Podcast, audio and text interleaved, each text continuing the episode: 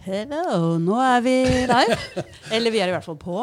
Eh, og nå er det endelig 2020! Yo! Ja. Dette blir første podkasten til Kragerøpodden i år. Altså, vi hadde vel kanskje en liten sånn prøve her forleden, men dette er den the real thing. Og i dag så må vi presentere folk rundt bordet. Eh, absolutt aller først vår eh, gjest. Eh, Charlotte Terkelsen Setesdal. yeah. Hjertelig velkommen til oss. Tusen takk. Veldig hyggelig å ha deg her. Og så er det da Tore. Knut Tore. Knut.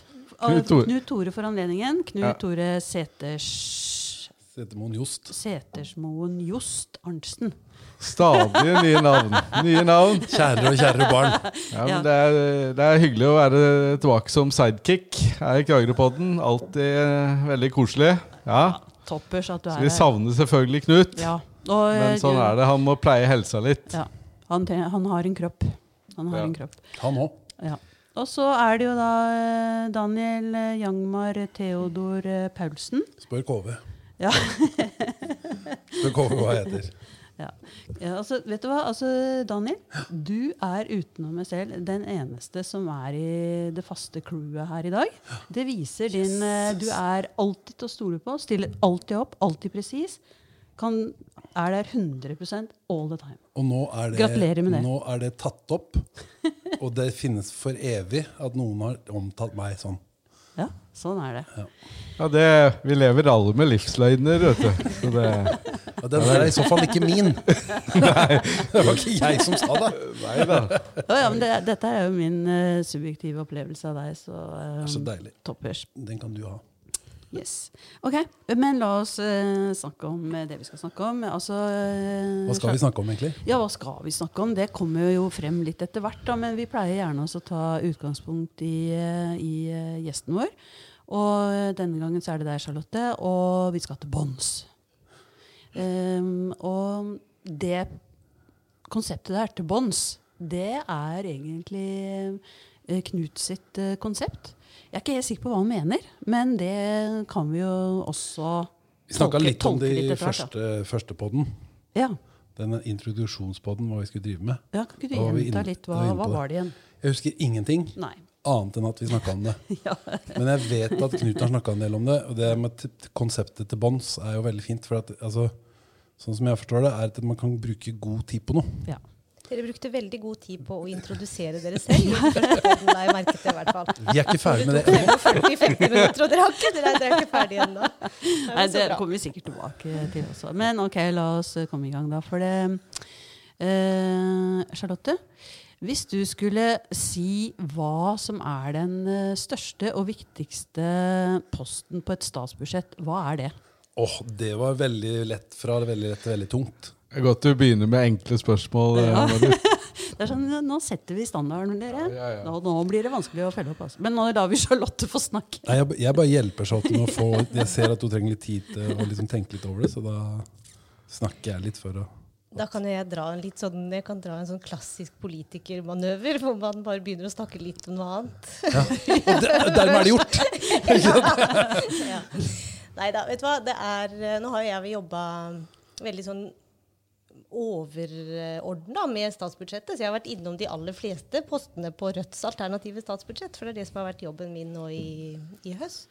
Ja, det var det jeg hørte noe om. Ja. Så, Og for å være litt sånn eh, I fare for å være, virke uendelig kjedelig, så må jeg si at eh, min eh, favorittpost på statsbudsjettet, det var de åtte ekstra milliardene Rødt hadde lyst til å gi i frie inntekter til kommunene i Norge. Oi, Ja. oi, oi. Det er min favorittpost, og det er en av de vakreste statsbudsjettposter jeg har Men det er jo ikke kjedelig. Det er jo en lissepasning til Kragerø og det er nice. Åtte milliarder deler på mange kommuner er vi for tida nå? For vi har jo blitt færre. Jeg håpa egentlig at ikke du skulle spørre om det, men vi har blitt noen færre. Vi er syv, syv totalt i landet. En- Oslo. Litt over én milliard på hver.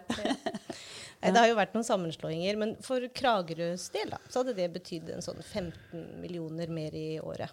Mm, mye Og det er for det. mye lokaldemokrati i 15 millioner. Så det var egentlig ikke så vanskelig spørsmål, selv om kanskje svaret er Ja. Men kanskje hvor- ikke det mest spennende. Er det motiverende å jobbe med noe som ingen bryr seg om uh, av de andre politikerne i det hele tatt? Er veldig, jeg er veldig vant til det. Jeg har jo operert i et veldig lite parti i veldig mange år. Uh, Så jeg er ganske vant til å drive med ting som ikke alle er helt enig i, og ikke alle syns er like lurt å holde på med. Det var ikke så lite den ene gangen.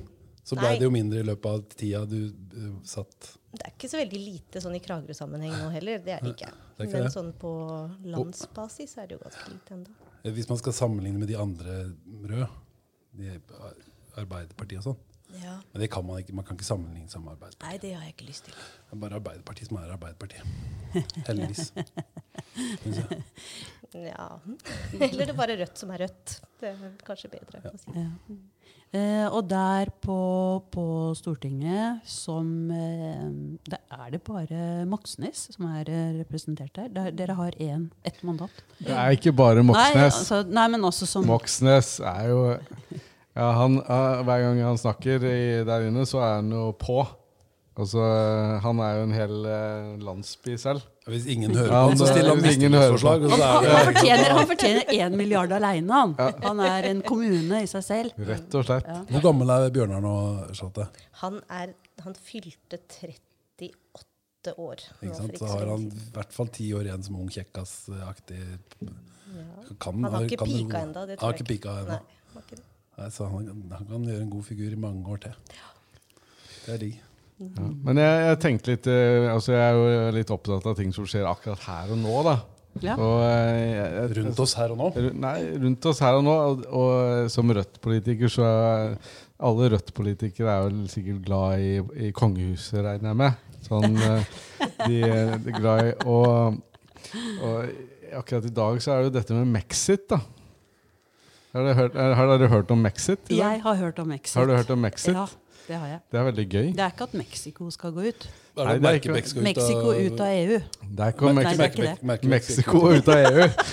Det ville vil ikke skje. Men uh, det er jo, det er jo Meghan da, og Harry som melder seg ut av De trekker seg tilbake. De- Jeg er skaperrojalist. Jeg er veldig interessert. Ja. Det er dette jeg vil fram til, skjønner du. Er du, ikke sant, Rødt de skal være mot eh, De er ikke glad i kongelig kongehuset. Men allikevel så eh, kan man like kongehuset. Ikke sånn ikke Ikke som institusjon? Nei, ikke som institusjon, men man kan jo la seg fascinere av de personlighetene som befinner seg i de diverse kongehusa som fins rundt omkring. Og så er det jo veldig gøy å følge med på akkurat det du snakker om nå, da. Når noen velger å bryte med de tradisjonene som ligger så dypt, og spesielt i Storbritannia. De er jo forferdelig opptatt av kongehuset sitt. De er jo gale. Ja, de er ja, ja, ja, ja. Gærne. Ja. Eh, så er det veldig spennende å følge med på, syns jeg, hvordan eh, Altså hvor mye i unåde man kommer til å falle, eller om man kommer Jeg syns til det var utrolig kult å lese at de, de to unge der Hva er det heter igjen? Altså Meg, Meg, Harry. Ja, og hun Meghan? Nei, Me, Megham? Nei, Megan? Megan. Eh, at de rett og slett eh, bare har lyst til å leve livet sitt. Og det burde jo alle de andre i alle kongehusa bare Å, du er gjøre så akkurat liberal, det samme. Marit. Liksom, drit i det der, og så få deg et liv. Hæ? Altså, så jeg syns jo det var litt uh, moro. De er jo frarøva noen ganske grunnleggende friheter, altså Ja, i kraft ja. av å være født inn i det de er. Så det er Ja, men det som er rart, synes jeg, det er jo de her som frivillig går inn i det. Altså, sånn som hun Megan, eller hva hun heter, og Mette-Marit og Ari og ja, alle de som eh, ikke har den derre Den blå, blå, eh, åra, ikke sant? At de vil, har villet inn i det. Så derfor så kudos til de der som bare Goodbye! Ja, men- men er, vi drar er over en, dammen. eh, Det er en annen side ved det. Jeg, jeg syns jo altså, Nå er det litt sånn eh, plutselig blitt sånn hjemme alene-fest i Storbritannia. Fordi at eh, eh, ikke sant, eh, Queen Elizabeth har jo alltid vært den store institusjonen. Som nå er kanskje i ferd med å bli såpass gammel at hun ikke altså, henger helt med. da. Altså at Hun greier ikke å ha så Stakkars Andrew og Harry altså, De gjør litt som de vil. Og det er litt nytt i Storbritannia. Og det har sånn, litt sånn ned, De er jo veldig glad i kongehuset sitt i Storbritannia. Og det er jo kaos ellers i institusjonen også. Jeg er litt usikker på om det er lurt å kjøre den runden akkurat nå, da. Uten at jeg nødvendigvis er rojalist av den grunn. Det er en god sånn avledningsmanøver fra han der prinsen som har vært litt uheldig med selskapet sitt og vært på litt feste med Jeffrey Epstein. og Ja, sånn. det er sant. Det er sant. Og ja, kanskje det bare er kanskje det. ble det er det spurt de om å gjøre det, Ja, rett og slett. det var nå. Nå var det lurt. på et godt Du, og det føler jeg at det, Her snakker du som en ekte politiker. For nå vet du hva som er lurt. Litt sånn, sånn spinndoktor-greie. Nå har du vært inne, og ikke minst på Stortinget, og som har fått med deg de triksa. Glemmer vi at han har vært og klina med 17-åringer. Det er eh, Ja, og det, For det er jo fort glemt. veldig fort glemt. Veldig fort, Ekstremt fort glemt. Ok, um, altså Vi har jo hatt noen hendelser i det norske monarkiet også nå uh, i det siste. Uh, og det har satt veldig dype spor. altså Folk har vært veldig opptatt av det. Og til og med de kongelige selv virker å være veldig opptatt av uh, at Ari tok livet av seg. Eh, så hva syns du egentlig om liksom den, si, den oppmerksomheten som det har fått? da? Eh, både blant oss vanlige og i media, og sånn som det kan se ut i monarkiet og de kretsene der. Kjendisene. Jeg syns det er veldig todelt. På en måte så er det veldig befriende, syns jeg. At man får lov til å bli tatt med inn i en sånn sorgprosess. For det er veldig sjelden man blir når, eh, ja, når noen velger å forlate oss på den måten. Da. Så er det veldig ofte at begravelse mm, foregår i stillhet, og ting blir veldig sånn dyssa ned. Men så er det jo også det som veldig mange har snakka om, at eh, det er en hårfin balanse til det å skulle plutselig bygge opp under og det å glorifisere en sånn type, type handling. Da. Så jeg vet ikke. Det er ikke noe rett fram svar på det, tror jeg. Men det har vært veldig godt på en måte. At, uh, jeg jeg syns veldig ofte at offentligheten i Norge gjør klarer å behandle traumer på en god måte. Altså både med tanke på terror vi har vært gjennom, og forskjellige store hendelser i det norske samfunnet, så syns jeg ofte vi klarer å ta det på en veldig god måte. Det syns jeg man gjorde her også.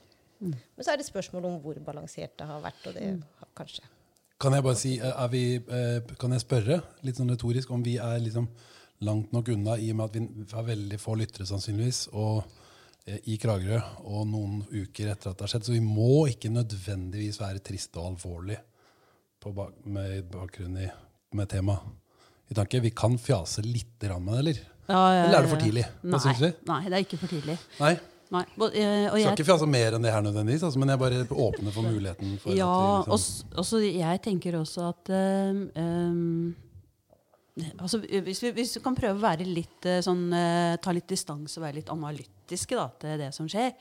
Eh, med akkurat det, Ta fatt i det du sier der, Charlotte, med, med Norge og traumer og gode på det. og og den, eh, veldig fort så kommer denne fellesskapsfølelsen.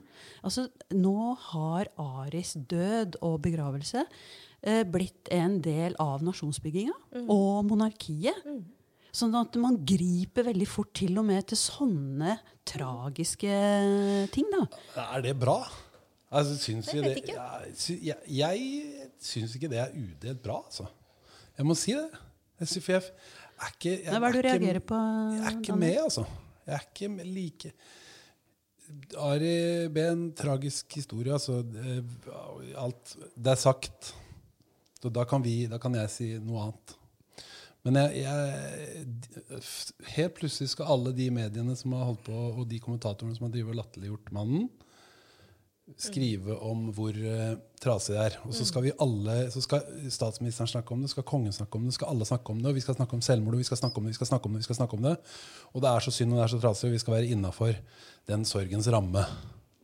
Og jeg er ikke med på det, altså. Han var, han var, jeg tenkte litt på det et øyeblikk der, om jeg skulle ha dårlig samvittighet. Så tenkte jeg nei, jeg skal ikke det. altså. For han, var, han, han havna i en rolle, hvis, hvis det var selvfortjent eller ikke, så havna han, han i en rolle der han var en der han blei ganske mye av en riksklovn. Det hjalp massemediene godt på vei med. Og det var en perfekt rolle for han på mange måter. Og så, um, og så var det så tragisk. Em, og jeg tillot jo meg i rødvinspodden som vi hadde i sorgen over at ikke du kom eh, forrige uke, Charlotte. Ja, nå skulle vi prøve å ha det litt rimelig. Jeg bare dro- dro opp det såret. Men i den, vi har jo fortsatt ikke bestemt oss om vi kan publisere den. Den er ikke så drøy. Vi må, vi må høre Ja. gjennom det, i hvert fall. Men da må jeg i hvert fall gjøre om på innledningen i dag, da, fordi da er det andre podden i dag. Ja. Nei, i år. Ja. Ja. Ja, men, Men, men, men, eh, det, ja, det som jeg i hvert fall sa da, og som jeg kan si nå, jeg bare drikker en slurk rødvin i dag. Så det jeg sa da er, Jeg kan jo Det må jo være lov å tenke det. Ari Behn var en Han visste jo hva han gjorde. Første jula i Norge. Perfekt da for å Hvis han har trådd frivillig inn i monarkiet uten blå blod i årene. Men helt strøken da å tre ut av det, altså. Må jeg si. Ja, jeg vet ikke om han har tenkt så mye på den dramaturgien der. Det er jeg litt usikker på. Jeg tror han overtenkte alt. Men, igjen. men jeg, en ting jeg har tenkt på, at jeg syns det er litt sånn eh, Det går fort inn i en litt sånn dobbeltmoral. Fordi det bør jo være en konsistens. Den bør jo eh, dyrke livet, og dyrke mens man er her, og behandle folk bra mens de lever. Også når du har behandla noen så dårlig som folk behandler Ari Behn, egentlig Det er jo en eh, utrolig eh, mye som har vært eh, sagt og gjort opp gjennom årene. Og så plutselig så snur hele opinionen og alle ordene Det er ikke konsistent, da. Nei. Og det, da føler jeg at en får litt sånn vond smak i munnen. Det er kvalmans. Rett og slett det er kvalmans. Ja, Det er ikke, det er ikke bra. Nei. Og det er en del av det norske hykleriet, da, syns jeg. Ja, det er et hykleri, åpenbart. Og så Jeg er det litt no- usikker, jeg også. Ja, for det, ja, jeg bare tenker på det at én ting er eh, når da gjesten får slippe så mye til. her. Du må, du må bare bryte inn. Ja, Vær stille nå, Charlotte. Vær stille. jeg mener ikke å bare beholde ordet, men, men Nei, de, de, nei. de som eh, eh, tar ordet, sånn som f.eks. etter Aris eh, død, altså mediene og, og disse kjendisene eh, De tar ordet i offentligheten. Eh, de, særlig de som har tatt ordet på av de der kjendisene, det er jo Er, er ikke det litt sånn B-kjendiser? Altså sånne som, som vi eh, Bortsett fra kongen, da. Han er jo ganske A-kjendis. Han er ikke B-kjendis. Men men vet, veldig mange av de som er trukket fram, som skal fortelle og forklare noe om Ari og hans eh, liv og levnet og død, de er øh, kjendiser som øh, ikke er kanskje helt innafor i, altså i A-kategorien når det gjelder å skulle analysere så veldig mye rundt hva som har skjedd. Altså, det er hun der, Hva heter hun som drev med de der Munch-adopsjonene? Uh, Aske... Unni Askeland. Ja, Unni Askeland. Han Heimly. Eh, ja. Jeg vet ikke. Det er uh, Altså, hvis du hører på de som virkelig kan uh, Hvis du hørte på eh, Moxnes og noen som kan veldig mye om norsk kunst og kultur, så, så er de mye mer moderate i fremstillingen. Mye mer hva skal vi si, dempa ja, Prøver å komme med noe litt mer nyansert bilde da, av eh, dette her. Jeg tenker at man må skille, som jeg sa i stad, så er det veldig todelt. Og man må skille eh, mellom den sørgende familien som faktisk velger å slippe oss inn, og det er det jeg mener er ganske unikt. Og som, altså med tanke på at det er et selvmord som har blitt begått, og få lov til å komme nært innpå en sånn prosess, det kan i hvert fall ikke jeg huske har eh, har skjedd i den grad før. Men så er det selvfølgelig også et stort potensial for ja, B-kjendiser og andre som har lyst til å eh, nære seg på, på den hendelsen. Men også ja, de som faktisk har laget Ari Behn til det han var. For det var ikke en mann vi hadde veldig stor respekt for, veldig mange av oss. Det er ikke til å stikke under en stol. Og det er jo eh, de Altså de i mediebildet, da. Eller det mediebildet som har blitt skapt av han, er det nok mange som benytta den eh, anledningen til å forsøke å, å ordne opp i, for å si det sånn, for sin egen del. Ikke for hans, kanskje. Og sånn vil det jo være ved enhver sånn uh, litt Ja, en sånn type hendelse, da. Men jeg syns nå allikevel at man har At det står stor respekt av altså at kongefamilien velger å gå foran i en sånn det finnes mange land i verden hvor dette ville blitt dyssa veldig ned, og det ville vært veldig mørkt og stille rundt det. da. Og det Men jeg, men jeg, hadde, jeg tenker at mm. er det lov å bevege seg tilbake over til et annet tema også nå? Absolutt. Kjør Ja. på, Ja, eh, Tor, Fordi når vi, når vi først uh, snakker om respekt, da Altså det, eh, det står Jeg, jeg så på et uh, intervju i går med ambassadøren eh, til norske ambassadøren i Washington eh, DC. Det heter til Washington. DC District of Columbia. Ja, ja. Det har jeg lært. Ja. Der han sa det at um, Når vi snakker om respekt, så er en vi respekterer ofte når vi podder, det er jo, det er jo Trump. Ikke sant? Høy grad av respekt. Vi, Ja, der er vi. Jeg skulle akkurat til å si det, for at jeg er en mann som trenger et sånt klart og tydelig fiendebilde. Og dermed er Trump god ja, til å hjelpe meg det- å skjønne at Iran er Men eh, ambassadøren sa jo at eh, Trump han le leverer jo det han lovte, på et vis. Og han, at det bilaterale forholdet mellom Norge USA er minst like bra. mm. som under Obama. Nei, sier du det? Jeg kan ikke skjønne det. Jeg tenkte Men jeg, jeg lurer litt, hva liker du best ved Trump, eh, Charlotte? Hva jeg liker best ved Trump? Ja, noen kan si at det er tendensiøst å stille spørsmål sånn, da, men det, jeg, jeg liker det. God vinkling. Fin vinkling. Jeg vil jo si, Ville du ha stilt en mannlig politiker det samme spørsmålet, Tore? Vil det, vil jeg, det lurer jeg på. skal du ikke Liksom. trekke mine bra, intensjoner i tvil her. Hæ? Ville du det? Ja. Jeg er ikke så sikker, jeg, altså. Nei. Det, Jeg jeg tror tror det er kanskje håret. Er det håret? Kan hende. Nei. Det jeg liker aller best på han, er at han egentlig er ganske feig. Og at han uh, backer ut ganske ofte. Og dermed ikke klarer å lage så mye trøbbel som det han kunne gjort hvis han hadde hatt litt mer ryggrad. Pass på den derre tutten. Sånn, ja. Altså, han, han kommer som han viser han skal tøffe, tøffe Trump, og så går han liksom i retur. Ja, topp. Mm. Og han kommer unna med det òg, da. Det er, det er kanskje det jeg liker best på han. Det, Så får vi se om noen av oss slipper unna noe som helst etter at han er ferdig med Iran, eller Iran er ferdig med han, eller de er ferdig med idiotien sin, eller hva.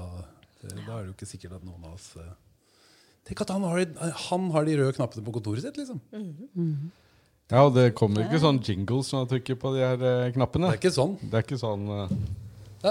Yeah. Nei, jo. Oi, det var en ny. Jeg hører ikke på den. Den har jeg ikke hørt før. Den var veldig moderat. Det var en opptatt og opptatt Var det fint? Den, ja. Jeg tror det var deg som sang, altså. Hva sier du det?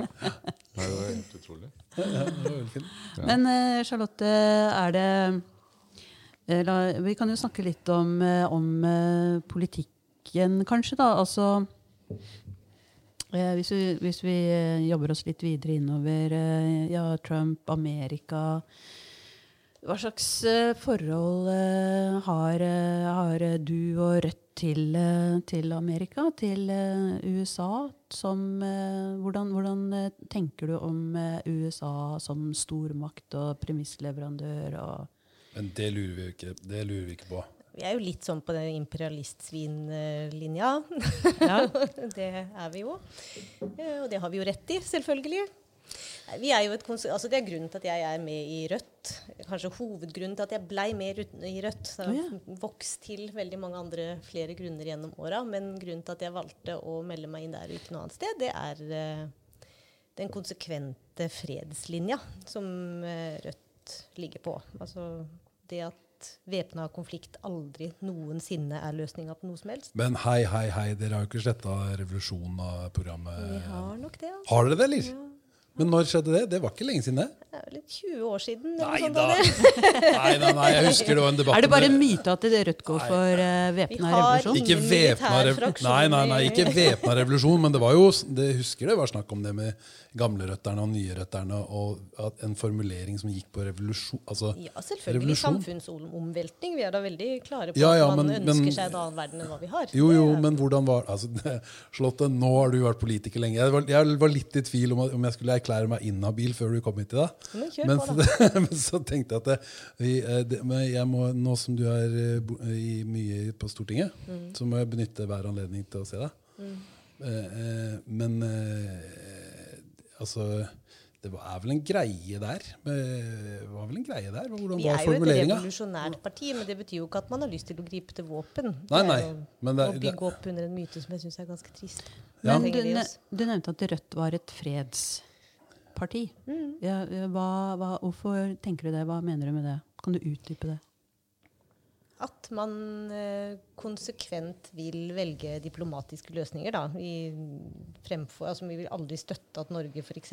skal eh, gå inn på fremmedlands sokkel for å utøve Ja, sånn. voldshandlinger. Ja. Altså, ja. Mm. Og det er det jo ingen andre partier i Norge som forfekter en så konsekvent linje på. Da. For meg er det veldig viktig. Mm.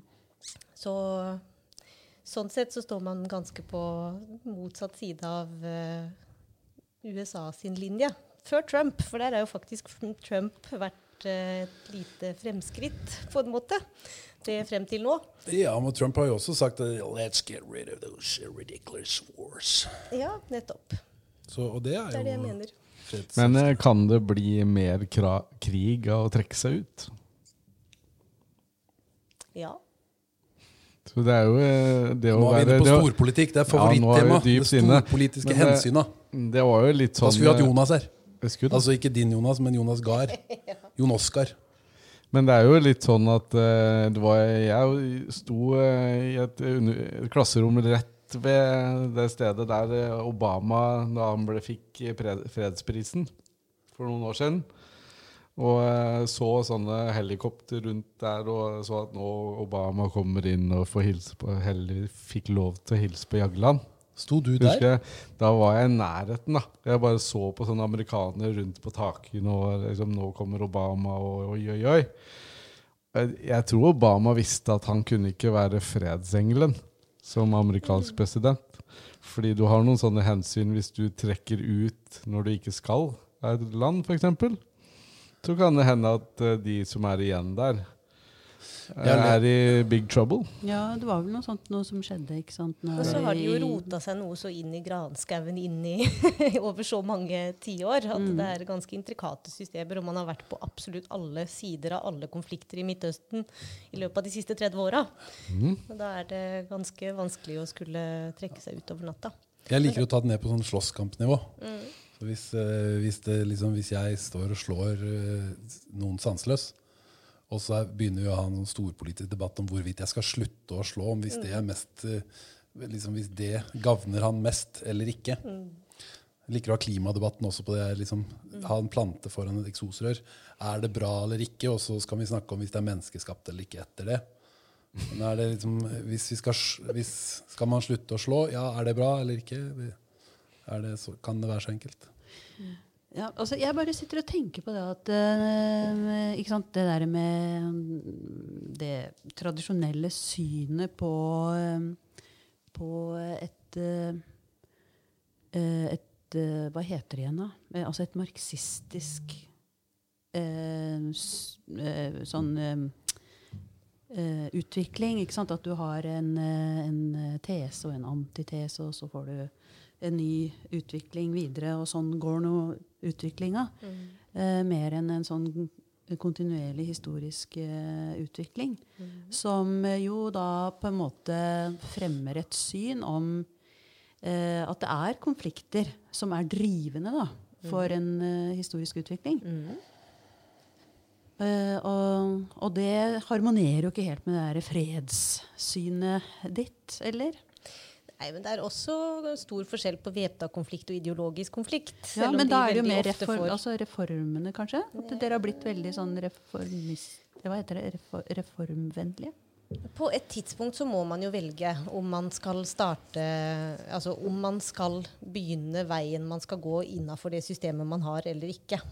Og etter at Rødt ble et stortingsparti, så har man jo måttet ta Organisasjonen vår har måttet ta det valget tydeligere enn noen gang. Ja. Eh, og for noen i vår organisasjon så er det et vanskelig valg man har tatt ved å bli eh, så systemtro på alle tre nivåer. Sturein. Og jeg syns det, er en- jeg synes det er befriende da, å være i et parti hvor man faktisk kan eh, ha såpass grunnleggende diskusjoner. Eh, for det gjør også noe med måten man ser på demokratiet og det systemet man skal operere i på. Og gjør også at man må stoppe opp og se det litt eh, utenfra. eh, og passe på å ikke bli veldig systemtro i måten vi driver politikken nå på. Eh, og enn så lenge så syns jeg vi klarer å, å uh, balansere det ganske godt. Og så er det nok noen inni vår organisasjon som skulle sett at vi var enda mer opposisjonelle enn det vi allerede er. Ja, altså, for det, dere har blitt ganske pragmatiske. Ja, mer, vil jeg Mer. Ja. Men det har jo også med at vi, når vi ble Rødt i 2007, så var vi en sammenslutning av flere partier. Og også en del partiløse som eh, ikke hadde noe sted de hørte hjemme på venstresiden. Så Rødt er jo et veldig ungt parti, så vi kan jo egentlig ikke si at vi har funnet oss selv på alle nivåer før egentlig nå, de siste årene. Det er en ærlig sak. Ja, Det er er du gæren? Ja, ja. Det er klart det. Men jeg bare tenker på den koblinga mot uh, AKP-ML som jeg tenker Jeg går i surr. Jeg kan godt omtale Rødt som AKP-ML enda. Så fordi det er så i, Ja, ja. eh, i retorikken. Det er ustreit. Men jeg er gammel. gammel ikke sant? Det er en god Og du er ikke den eneste. Det er mange som blander eh, Ja, ja. Så, men den er for, det er forlatt, da. AKP-ML er liksom forlatt. Ja, ja, Ja. partiet er jo det. Men uh, det altså, deler av den ideologien eksisterer innad hos oss enda, og det skal den gjøre. Vi har plass til det. Hva er det viktigste i Rødts parti som skiller det fra, fra de andre partiene? Det jeg nevnte i stad, med altså, den konsekvente fredslinja. Eh, og så er det den systemkritikken. Altså, mm, ja, Rødt sitter på Stortinget, og Rødt sitter innvalgt i eh, alle fylkesting og i mange, mange kommuner. Men eh, mm, altså, makta i seg selv er ikke grunnen til at vi eh, stiller til valg.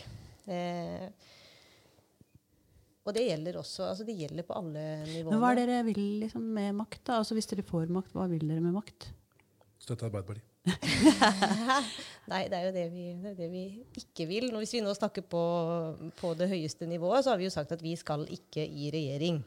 Eh, man er der for å bringe noen temaer og noen diskusjonsformer inn i det politiske miljøet som kanskje ikke har vært der før. Og vi har jo fått ekstremt mye kjeft av de andre partiene på Stortinget. Altså, som Daniel sa i stad, hvis hvis ikke du er enig med Bjørnar Moxnes, så stiller han mistillitsforslag. Det er ikke, det er ikke, det er ikke, det er ikke helt riktig. Men eh, vi har jo opplevd at man blir fryst ut av det gode selskap fordi at man nettopp har gjort de tingene der. At man, altså, tonen på Stortinget er at det gjør vi ikke. Det, det gjør vi bare ikke. Ikke. Sånn holder vi ikke på her. Og det må dere lære dere. Og jeg tenker jo at trikset er å ikke lære seg eh, å bli som alle de andre partiene, da. Og så får vi jo se hvor mye vi Hvor mange mistillitsforslag har du stilt? Tre, eller? Nei, vi har bare to, altså. Her er det bare to. Ja, og ene, det ene funka jo. Ja, men det var det jeg tenkte på. Det er en sånn veldig sånn dalende kurve. Det første var liksom Yes, her kan Rødt gjøre det vi har lyst til, og så kan vi bare stille oss bak det, så får vi vekk Sylvi eh, for denne gangen. Og så hadde vi glade dager så lenge hun var ute av regjering, eh, til hun kom tilbake igjen. Men, men så var det andre. Bare wow. Opp som en sol, ned som en pannekake, som mor mi pleier å si. At, og der, eh, da mister man Altså, eh, jeg lurer på og Det er kanskje en sånn erfaring jeg syns det ser ut som at man gjør seg rødt noen ganger. At man kan gjøre, man kan gjøre en sånn ting, da, sånn som det første mistillitsforslaget. Som man får masse god publisitet på, og får masse oppslutning på, som man sikkert merka på meningsmålingene, hvis ikke jeg husker helt feil. Og som får masse medvind og masse fart. Og så gjør man den andre som egentlig er en litt sånn som fremstår som en litt sånn politisk bommert, egentlig. På, på en, altså, det trenger ikke nødvendigvis, Jeg sier ikke at det er det, uh, men, men det kan fremstå som det. Og det kan du miste oppslutning på. Jeg måler heldigvis ikke Det er det ingen politikere som gjør. Charlotte. Nei, men Jeg måler ikke hvorvidt det er en politisk bommert eller ikke, om de andre partiene velger å stemme for det vi, det vi foreslår akkurat der og da. Det jeg tenker er at etter den dagen vi har i dag, hvor det er høring i, om Nav bl.a.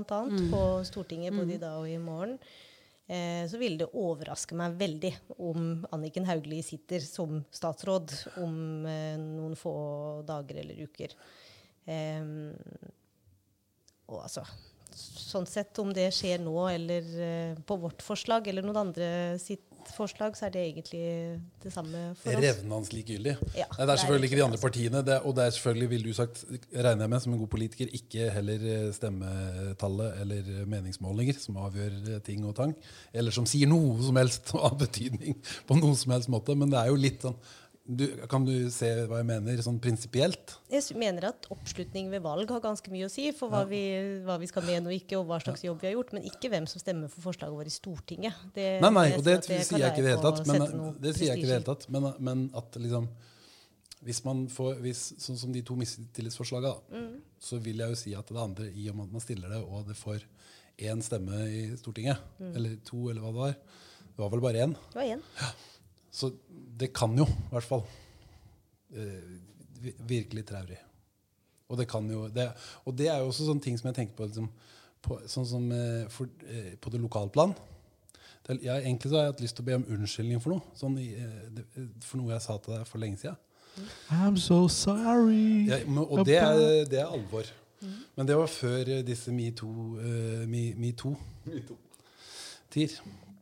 Og da sa jeg jo egentlig litt flåsete at eh, før, eh, før du ble valgt inn som uh, varaordfører, at om du gleda deg til å ligge under en svettende og peisende Jone Blikra i, i fire år Det var ikke hyggelig spurt, selv om det var flåsete ment.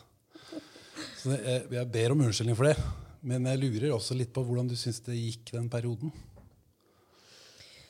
Jeg er kjempeglad for den perioden. Og jeg jeg, bare for å ta det siste som har skjedd først. Da, jeg antar at vi skal snakke litt om at valget ikke endte på 16,4% men 12,4 eller noe Jeg sånt. trenger ikke snakke om det. Nå Nei, var det vi, kan, vi kan godt gjøre det. Vi kan godt gjøre det. Eh, det er det nest beste valget vi har gjort noen gang, og jeg er veldig fornøyd med det valget. Eh, og så er jeg veldig fornøyd med veldig mange av de tinga vi har gjort i de fire åra. Og så har jeg vært veldig glad for å samarbeide med et Arbeiderparti som jeg har sett at eh, det har våkna en venstreside i. Og den hadde sovet veldig lenge i Kragerø kommune. Og det er jeg veldig glad for å se på. At Jeg er trodde den lå begravd på. Kalstad, jeg. Jeg trodde den lå oppe på skjærgårdskirkegården oppe nærmest Kalstadsletta. Altså. Nei.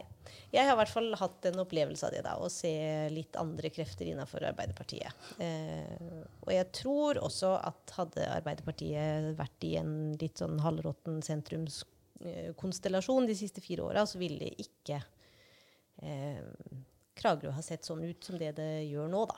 Hvordan ser Kragerø ut nå, egentlig?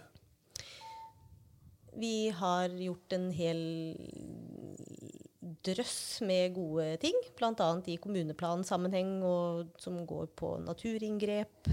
Er en sosial profil på altså sosialhjelp og barnetrygd og en del Den som de reverserte nå så fort de overhodet bare kunne i kommunestyret. Bare, så, akkurat som det var det den sitter og venta på. Trippa. Det jeg mener er at vi har trekt, vi har trekt Kragerø i en retning hvor Kragerø ikke har gått tidligere. da. Og så vil man se at mye av det blir reversert nå. Det er jo helt naturlig. Det er etter et eh, valg, og det er trist, syns jeg. Men det var godt å se at man kunne få så mange ting gjort ved å sitte i posisjon. Og så skal jeg ikke jeg skal være så ærlig og si at jeg syns det er nydelig å sitte i opposisjon igjen.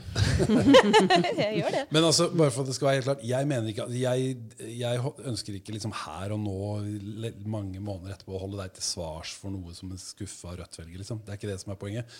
Men det jeg syns er interessant, er å snakke om de prinsipielle tinga. Sånn som f.eks. et mistillitsforslag. Og eh, sånne ting som jeg har opplevd at Rødt i posisjon i Kragerø også måtte igjennom. da Som f.eks. kommuneskausalg, sånn som f.eks. B13-saker. ikke sant? Der du på en måte kan innrømme en flause og en bommert én gang, kommuneskauen. Men hvis du skal gjøre det flere ganger, etter min tolkning, da, min lesning, så er det litt sånn Du kan innrømme en flause én gang. Dårlig, polit, dårlig liksom, Ok, der fulgte vi ikke helt med. Men så, hvis det liksom skjer igjen, så er det liksom Jo, for hver gang det skjer igjen, skjedde egentlig? Jeg mener jo at det skjedde igjen i forhold til at man ikke har fulgt med på sentrumsdefinisjonen og så hva som kom til å skje i forhold til anbudskonkurransen i forbindelse med B13. Jeg mener jo det. Du mener det? Jeg, jeg syns jo det. Ja. Syns det virker sånn i hvert fall. Så jeg syns, jeg syns jo det virker som at det er noen sånne ting som man Men hva også, tenker du kunne vært gjort annerledes da? da? Nei, altså jeg, jeg mener at uh, noe av utgangspunktet der handler jo om liksom hvilke, hva som er sentrumsdefinisjonen. Og hvor man, uh, hvor man nødvendigvis måtte legge det nye kommunehuset da. Så, Så vi skulle trukket den linja helt inn til Solbekk møbler og bare den rundingen rundt? For det er det altså, vi i ligger, praksis det ligger noen føringer der da, i forhold til hva man kan gjøre. Samlokalisering, blant annet. ikke sant? Ja, ja. Og det er jo det er liksom, og det er klart at det er mye å kreve av et parti, da, men, men, jeg, men igjen, ikke sant, prinsipielt, hvordan er det man takler det å være i posisjon? Og hvordan er det man, altså, Har dere trekt ja, og I hvilken grad har Rødt trekt Kragerø og Arbeiderpartiet mot Venstre? Og i hvilken grad har Arbeiderpartiet og Kragerø trekt Rødt mot Høyre? Ikke sant? Det var, hvis vi kan snakke litt om B13, så har jeg veldig lyst til det, egentlig. Ja, gjerne. Veldig, men det kanskje meningen interessant. at vi Da, jeg, jeg, da skal jeg ta en pause. Nei, nei, nei, kom igjen. litt. For jeg har snakka så veldig mye om Jo, men det er Ja, veldig bra. trenger ikke å snakke om det da. Jo, jo. Nei, men poenget mitt da med eh, det Altså Når jeg fikk vite hvor hvem som hadde vunnet, eller ikke hvem, for det er egentlig helt irrelevant for meg hvem det er, men hvor vi skulle ha nytt eh, kommunehus. Det er den eneste gangen jeg har grått, faktisk, pga. politikk. Jeg var, det er det verste politiske nederlaget jeg har vært borti. Og du kan helt sikkert si at vi skulle ha fulgt bedre med, men det var også en litt annen situasjon i området når den anbudskonkurransen ble lyst ut. Bl.a. med at kommunen hadde opsjon på B14, altså nabotomta. Den var det noen som fikk, veldig, fikk det veldig travelt med å gi bort. Arbeiderpartiet, blant annet. er det Arbeiderpartiet, Arbeiderpartiet. Alle unntatt Rødt SV fikk, veldig, veldig, fikk det veldig travelt med å gi bort den tomta. Og det endra hele situasjonen i området. Hvordan da? Fordi at da har man plutselig kontroll over hele området. Og kan se hele området som en sammenhengende utbyggings, et, et sammenhengende utbyggingsområde. Hadde kommunen sittet på B14, hvor du, altså, så hadde man hatt en helt annen kontroll i det området. Men det er jo også de samme partiene som har hatt lyst til å selge Stilnestangen eh, Nord, f.eks., mm. også til samme firma. Eh, så om ikke man liksom skal Hvis man skal lære noe av den greia der, da, så er det i hvert fall at ja, kanskje ikke offentlig eierskap i seg selv eh, for alle er det viktigste, men altså det å ha noen sånne strategiske punkter i en kommune som man velger å eie og ha kontroll på, da. Men ikke engang høyresida kan jo mene at Eller det mener de jo selvfølgelig, at man skal gi vekk kommunale fellestilganger til, til eh, privat eierskap, sånn at de kan tjene pengene på det. Men, det, det. ja, men at Arbeiderpartiet mener det, er jo litt spesielt. Ja, de har ment det hele tida. De, Ja. har jo vært, de har vært de første til å legge seg på rygg for enten Men når da dere blir sittende med de, når dere blir sittende med de og går god for de en hel periode, med, når det skjer sånn bonefanger. vi har ikke gått god for de sakene der, eh, Daniel. Det kan du ikke Nei, jeg, påstå. altså. dere, nei. Men eh, kan du bare få bryte inn her? Altså, jeg kan ikke så mye Ikke- ikke nå, ikke. Nei, ok, jeg kan vente litt. Eh, eh, Knut Tore og jeg vi må få lov å komme inn med litt saker og ting her. Vi er jo innflyttere, vi, vet du, så vi eh, har ikke så god greie på det. Men det som kan synes som har vært en del av Eller kanskje den viktigste eh, motstridende synene, er Eh, Jeg skjønner at det må skje mange tekniske ting, og reguleringsplaner og ditten og datten, og arealplaner, og jeg kan ikke de tingene. Men, men det har vært ganske frustrerende å, å oppleve at um, Kragerø i denne perioden har eh, gått, eh, gått enda nærmere til å bli en sånn eh, kommune som står med lua i handa overfor eh, noen veldig sterke kapitalister. Eller for å si det sånn, én sterk kapitalist. Eh, og på og, Hva tenker du på da, Amel? Nei, det, er, det begynner på T. Og slutter på Tenker på Tivar? Ja. tivar. Og det, det Og jeg husker jeg var på et sånt folkemøte som Rødt arrangerte på biblioteket, hvor han Tollefsen var. Eh, og han Okkenhaug. Eh, og det var en merkelig opplevelse. Eh, da var du ordstyrer. Eh, og da, eh, da satt han eh, Tollefsen oppe på scenen der sammen med han eh, Okkenhaug, som han hadde kapra rett før møtet. Han hadde rett og slett ansatt den. Og Okken var kjempefornøyd. Det er jo han, vet du vet godt hvem han er? Han Ja, jeg har sett uh, filmen fra Risør. Ja. sine. Jeg Ja. har sett filmen fra Risør, ja. ja, ja, det har jeg. Ja. Skjærgårds... Nei, hva Men altså, nå må vi huske Hei, hei, hei. Nå må vi huske på at Erling, han er en av oss. Og han fikk altså bare to års driftsstøtte. Men han fikk lov til å si hva han ville. Han kunne være så sinna på Ivar Tollesen han bare ville. Så det må vi ikke glemme. Så han har ikke på noen som helst slags måte kjøpt og betalt av Tivar. Altså Det er det ingen av oss som må tro. Nei, det er vi Hører dere helt det der enige om. ute? Alle sammen. Er, det er, Erling. ingen lar det kjøpe av penger. Nei da. Jeg tipper Erling angrer bittert. Det er noe av det mest absurde jeg har vært med på. Jeg, og det var en kjemperar opplevelse. Og de hadde jo Ja, ikke sagt fortell ja, om din nei, Vi skulle jo ha to motpoler som skulle debattere. Ja. Og så fikk jeg jo den eh, beskjeden da ett minutt før møtet begynte, om at uh, Ivar Tollefsen hadde ansatt uh, Erling Åkenhaug. Og det er jo, ja, Jeg vet ikke hva det egentlig var mer der å si om det. Jeg, for meg så Jeg syns det er rørende. Det er, det er egentlig, jeg må si det at det er det jeg går for nå. Ivar, hører du på meg? Så altså, Jeg prøver å være så karulant og jævlig. Og i så mange, jeg skjønner at jeg har mange, mye å gå på for at, eh, for å, for jeg kan bli som Erling. Men det er det jeg prøver på eh, i alle medier og alle kanaler.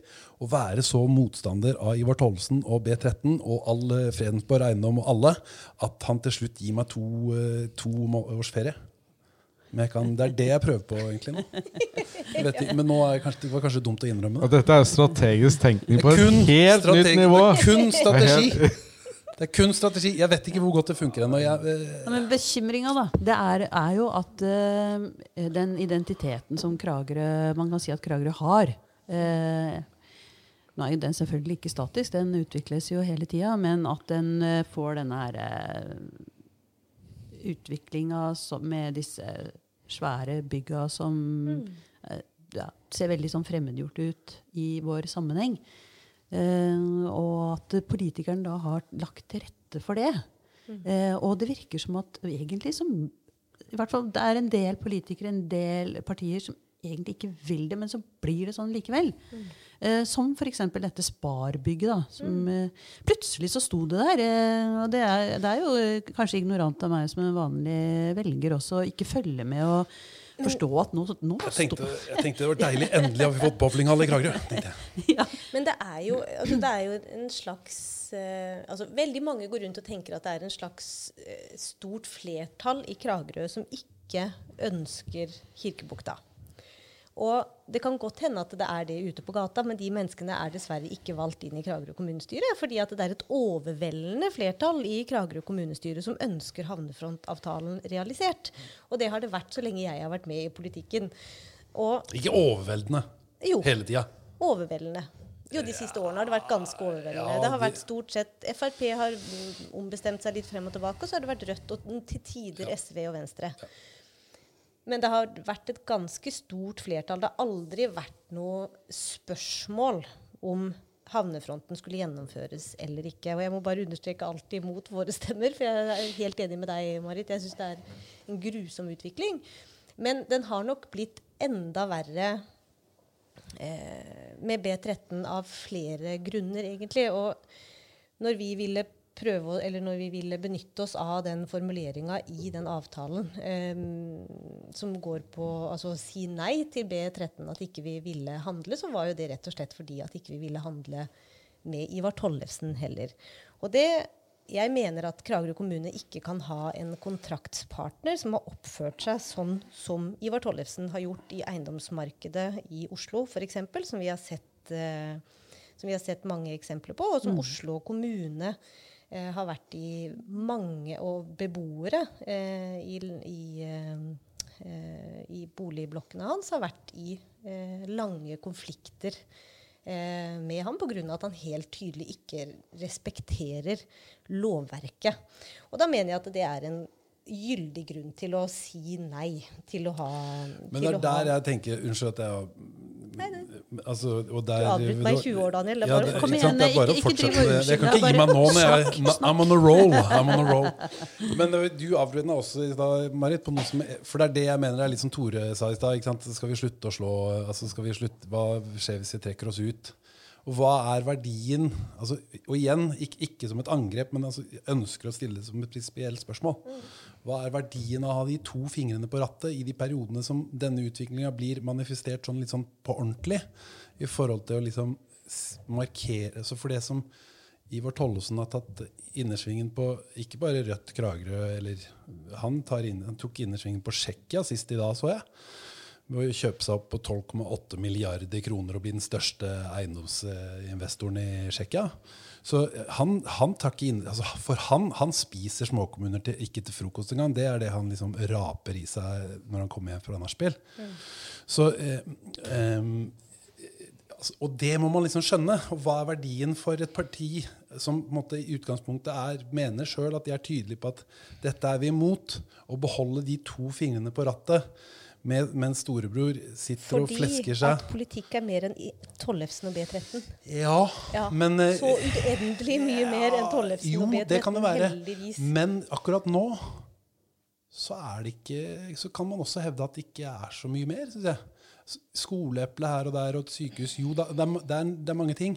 Men, men altså, det er ganske jeg ikke- Ja, men det er Klarer ikke å tro at du mener det. jeg, jo, men jeg mener det helt bestemt. Altså, og, og det gjør jeg. Og, fordi at eh, akkurat nå så er eh, det, den utviklinga der Den er båndproppen i Kragerø, og den er ute. Ikke sant?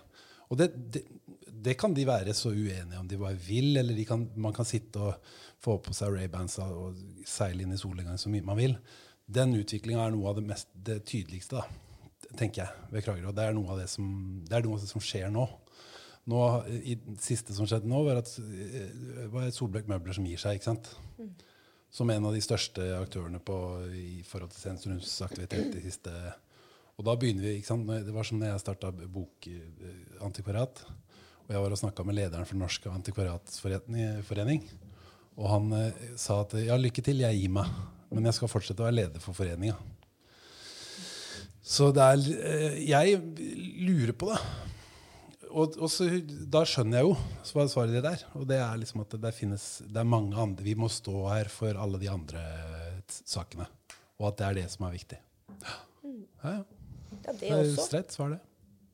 Ja, eh, Syns du det, Charlotte? Er det, er det denne saken som er det viktigste som eh, har skjedd i Kragerø siste åra, og som vil være det fremover? Nei, jeg, altså jo, det er en veldig viktig sak. Og hvordan det ser ut i sentrum, hvem som eier eh, bygningsmasse, hva vi skal bruke arealene våre til. Det er veldig veldig viktige lokalpolitiske saker. Men jeg mener også at det er mange andre eh, områder som er, eh, som er vel så viktige, da. Ja, sånn var da? eh, alle de store andre tingene som en kommune holder på med, som også er politisk styrt. Sånn som helsepolitikk, som skolepolitikk, desentralisert skolestruktur, eh, sosial, eh, sosial eh, profil Altså det er veldig mange eh, Og næringsutvikling er heller ikke bare Kragerø sentrum. Utvikling er ikke bare bygg naturvern. Altså det er utrolig mange andre ting som jeg mener at er akkurat like viktig eh, å holde på med. Og jeg mener også det at vi til, Jeg skjønner at Daniel og jeg er veldig uenige i det, men jeg mener også det Prinsipielt. at, at Nei, jeg tror ikke det er prinsipielt. Jeg tror det er litt forskjellige virkelighetsoppfatninger. For jeg mener også, og vet også, at man har ytt god motstand mot det som har skjedd, og at den motstanden har vært ektefølt. Innafra. Ja. Men ja, eh, og utenfra. Altså man har, eh, man har gjort, tror jeg, en større innsats i den koalisjonen som har vært nå for å eh, kontrollere utviklinga i Kragerø sentrum og i havnefronten, enn hva man ville ha gjort hvis det hadde sittet et rent blått flertall der. Jo, men hva er det man har fått Altså, eh, makt eh, utøves på forskjellige måter. I posisjon og i opposisjon. I tydelig stillingstaken eller i på en måte snike bakdørsavtaler.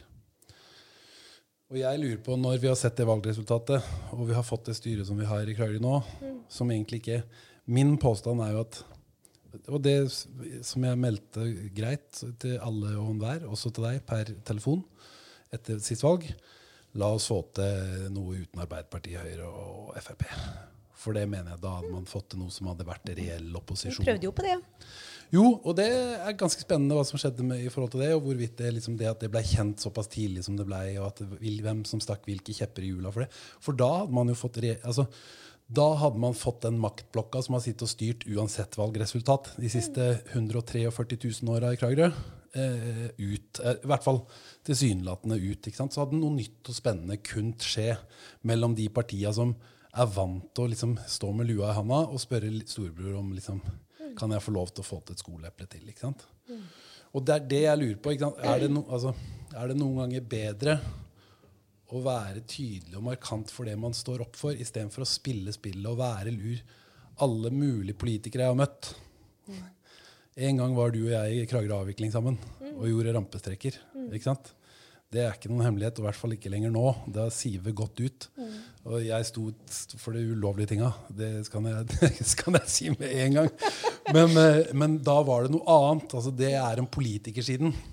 Og etter det så er du, har du manøvrert deg inn, og faktisk så langt inn som at du er på liksom nasjonens parlament, ikke sant, Stortinget, for å spille spillet etter reglene. Og det er der jeg lurer på. Og jeg har ikke gjort det. Og jeg fortsetter å mase på akkurat sånn. altså, Jeg lurer på hva, når er det man liksom gjør hva? Og hva er det som får størst virkning? Nå sitter Grunde alltid der. Og fra Kragerø kjøpesenterparti. Og først med et pennestrøk så sletta han det som, dere, som du nevnte som en stolthet for, for Rødt og Kragerø. Som er liksom eh, sosialbidragskompensert eh, Men eh, Daniel, du, du høres litt ut som en fransklærer, du nå. Og som var heseblesen. Du vet, ja, nei, du vet hva definisjonen på en fransklærer er? jeg vet ikke. Nei, kom igjen, fortell. Nei. En definisjon på en fransklærer, det, det, er en som, det er en som stiller spørsmålet. Og svarer på det sjøl. Nei, og så venter han litt. Og så svarer han selv. Det er sånn retorikk på sitt eh, ypperste, det der. Avkledd. ja. Nei, men altså, går det an også, eh, går det an også liksom spørre på en litt annen måte? Da? Fordi eh, jeg tenker på for sant, sånn som Hamsun, eh, som beskrev dette her eh, øyeriket der nord. Hvor det var denne mannen som hadde eh, bukta og begge endene i, på øya og områdene. Mac. Ikke sant? Og som drev og han bada oppe i sånn badestamp med dyner oppi, og, og alle måtte jo bare please han og dulle med han, og kvinnene og mennene og de fattige. Og, og, og dette her er jo kjempelenge siden, altså, som Hamsun beskriver. Eh, og- det er jo kjent, kjent i litteraturen på så mange måter. Og, og så kan man få en sånn assosiasjon med at dette skjer her og nå også. Og da blir jeg litt bekymra for har vi virkelig ikke kommet lenger? Er det sånn at, eh, at det er eh, kapitalen og makta som rår fremdeles? Er Og til og med når vi har ja, et, eh, et, som et lokalsamfunn som Kragerø med, med et rødt styre, da. Altså det er jo da det, det Jeg vet at det er en lang historie foran, og at man er bundet opp av mange avtaler osv. Men, men uh, likevel, altså politikere har fått makt. De har makt. De har uh, gjennom stemmesedlene fått det. Og så skjer, skjer det om igjen. Og det er ikke noe spesielt for Kragerø. Altså, det er jo over hele fjøla, kan det virke sånn.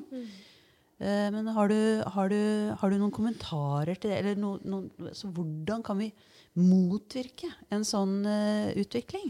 Er vi helt maktesløse egentlig overfor det? Sånn som er i Kragerø.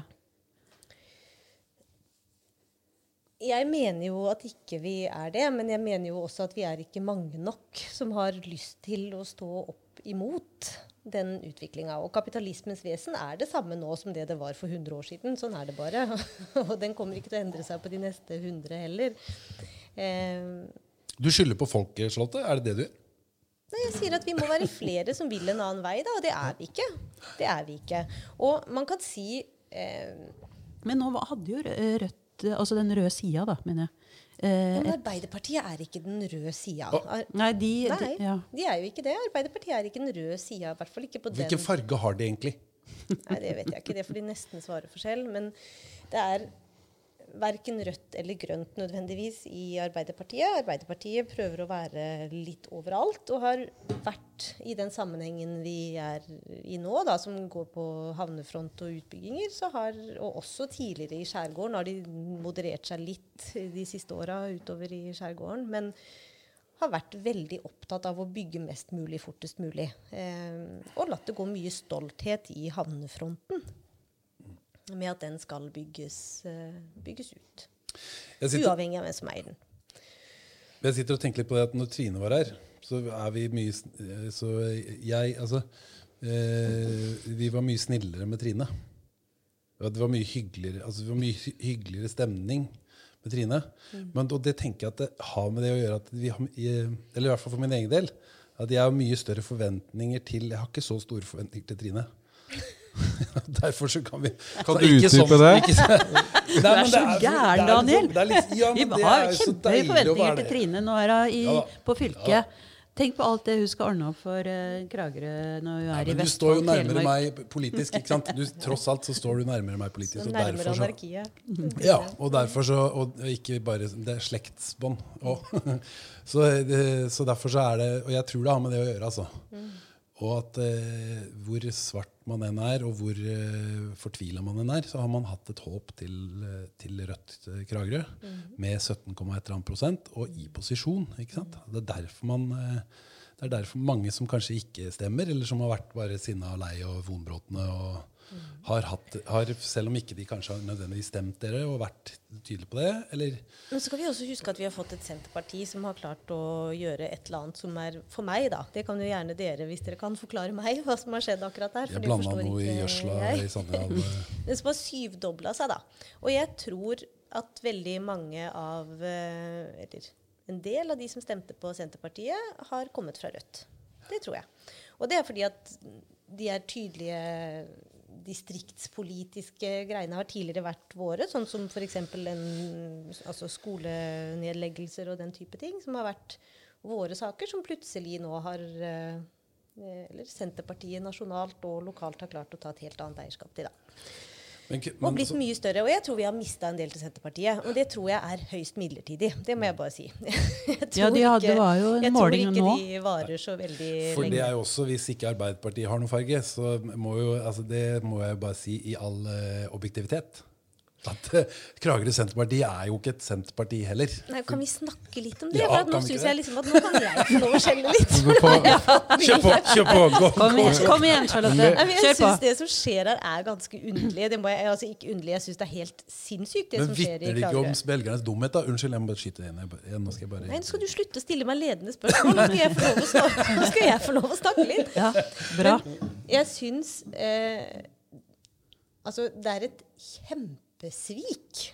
Hadde jeg stemt på Senterpartiet, og jeg må si at når jeg tar sånne tester og sånn, så er det veldig ofte at Senterpartiet kommer på, på andreplass. For jeg har en eller annen sånn ja, god distriktspolitisk greie i meg et eller annet sted, som noen ganger tar helt overhånd. Den lange i åra. Ja, det, jeg tror det. Det er liksom lange i blodet som bare kicker inn. Men hadde jeg vært Senterparti-velger, så hadde jeg vært så utrolig sint. Og de har gifta seg med de som er grunnen til at de har en så stor opptur nasjonalt. Det er så paradoksalt. Det er, det er helt sinnssykt, liksom. De har gifta seg og gitt Frp er mer er makt enn de noensinne har hatt i Kragerø kommune. Og det var det eneste de ikke skulle gjøre. Jeg, jeg kjenner at jeg er sint på Kragerø befolknings vegne. Eh, og jeg tenker at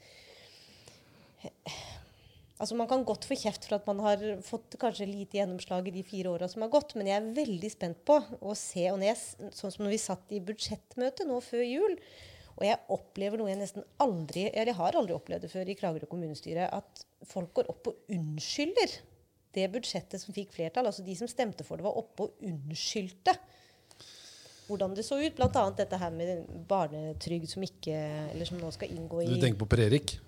Eller var det han som unnskyldte det? Nei, de som stemte på det, unnskyldte selv. Blant annet Tønnes Løgster og ja. Og det syns jeg, jeg synes det er veldig trist. Jeg syns det er veldig trist at en sånn eh, koalisjon skal få lov til å skal få lov til å styre Kragerø. For jeg tror ikke vi kommer til å se noen retning på noe som helst. Jeg tror det kommer til å være veldig kaotisk. Men det, ja. Bygd på råtne kompromisser, liksom. Men jeg tror, eh, jeg tror at eh, Senterpartiet de har gjort eh, De er noen store pragmatikere i Norge. De er gode Vedum og hans kompanjonger. De, de er gode til å lese folket akkurat nå. De kjører fram noen saker som jeg helt personlig mener at de tar feil. da. Men de leser de får gjenklang i, i folket. Det er populært. Fordi det er klart Du kan jo snakke mot sentralisering, da. Men eh, for oss som har drevet med sånn engelskfag og undervist litt engelsk, her, så, så er, er det jo ikke helt nytt at sentralisering har begynt. Og da, da, når du da dytter det fram som en noe Greier å selge det inn som en helt ny sak av sentralisering, så jeg føler at de lever litt på at det er lite presisjon.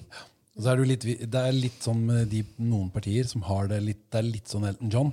De har en eh, hit fra en gang i tida. De har liksom EF-valget som, sånn, som de alltid kan komme trekkende med på en eller annen måte. Som en sånn, De hadde en hit. Det er liksom Candle Kommer med Landstein! Kommer med Landstein. Ikke sant? De, de kan alltid referere, og at man, folk husker det. er De hadde en hit som liksom Ja, for det er det ikke sånn også kanskje litt med Rødt at uh, de har jo stått for uh, på, på industriens side, altså arbeiderne. Arbeidernes side. Det er jo egentlig kanskje det eh, det partiet er tufta på. Ikke sant? Eh, og, og plutselig så er det en motsetning. Altså, eller man kan oppleve det som en motsetning mellom eh, eh, det høyst radikale partiet som du representerer, og eh, Senterpartiet. For Senterpartiet de vil eh, at det skal være vekst der ute i distriktene, og det er den lille lille bonden eller den lille bedriften eller eh, som eh, må stå der og jobbe med hendene sine og gjøre noe sjøl for å få til noe. Eh, og det Mens har Rødt noe næringspolitikk eh, egentlig lenger? Altså, fordi det er, eh, den, den eh, industriarbeideren, den fins jo. Den finnes jo. Eh, og nå har vi akkurat satt i gang eh, 20 år til ute i Nordsjøen. Som eh, blir en viktig olja, som man snakker om. Han, Men er eh, de, er de industriarbeidere? ja, det er de i høyeste grad, de som jobber i olje. De tjener ikke som industriarbeidere. Og de stemmer ikke som industriarbeidere. Vet du hva, egentlig, jeg har, eh, Nå har jeg blitt kjent, litt kjent med hva, hva eh, de der vanlige folka som jobber på riggene, tjener. Og det er egentlig ikke så veldig mye. Så det er overraskende lite, egentlig. Er det med alle tillegga? Ja, sant. Det er De går og håper på at noen blir syke, så de får jobba litt mer. og Da begynner de å tjene bra, og at det blir ekstravakter. og At ikke de får komme til land og sånne ting. Men eh, egentlig så er det ikke så sykt eh, bra. Men altså, de har jo disse tidsoppholdene, sånn at de kan ha andre jobber ved siden av. Og da, men det, det er jo også utarming. ikke sant? Så nei, men jeg bare tenker på at, eh, at eh, kan det være noe der som gjør at uh, Senterpartiet har uh, liksom, De appellerer til ja, de oppe i Sannidal og utpå Levang. Og ikke sant, at uh, det er eh, oss eh, små som driver med vanlig, normal virksomhet, enten det er snekkerier eller litt litt sånn eh, småbruksopplegg eller eh, mekaniske bedrifter eller Ikke sant? Altså, eh, mens eh, Rødt de forsvinner i den kåren der. Jeg vet ikke.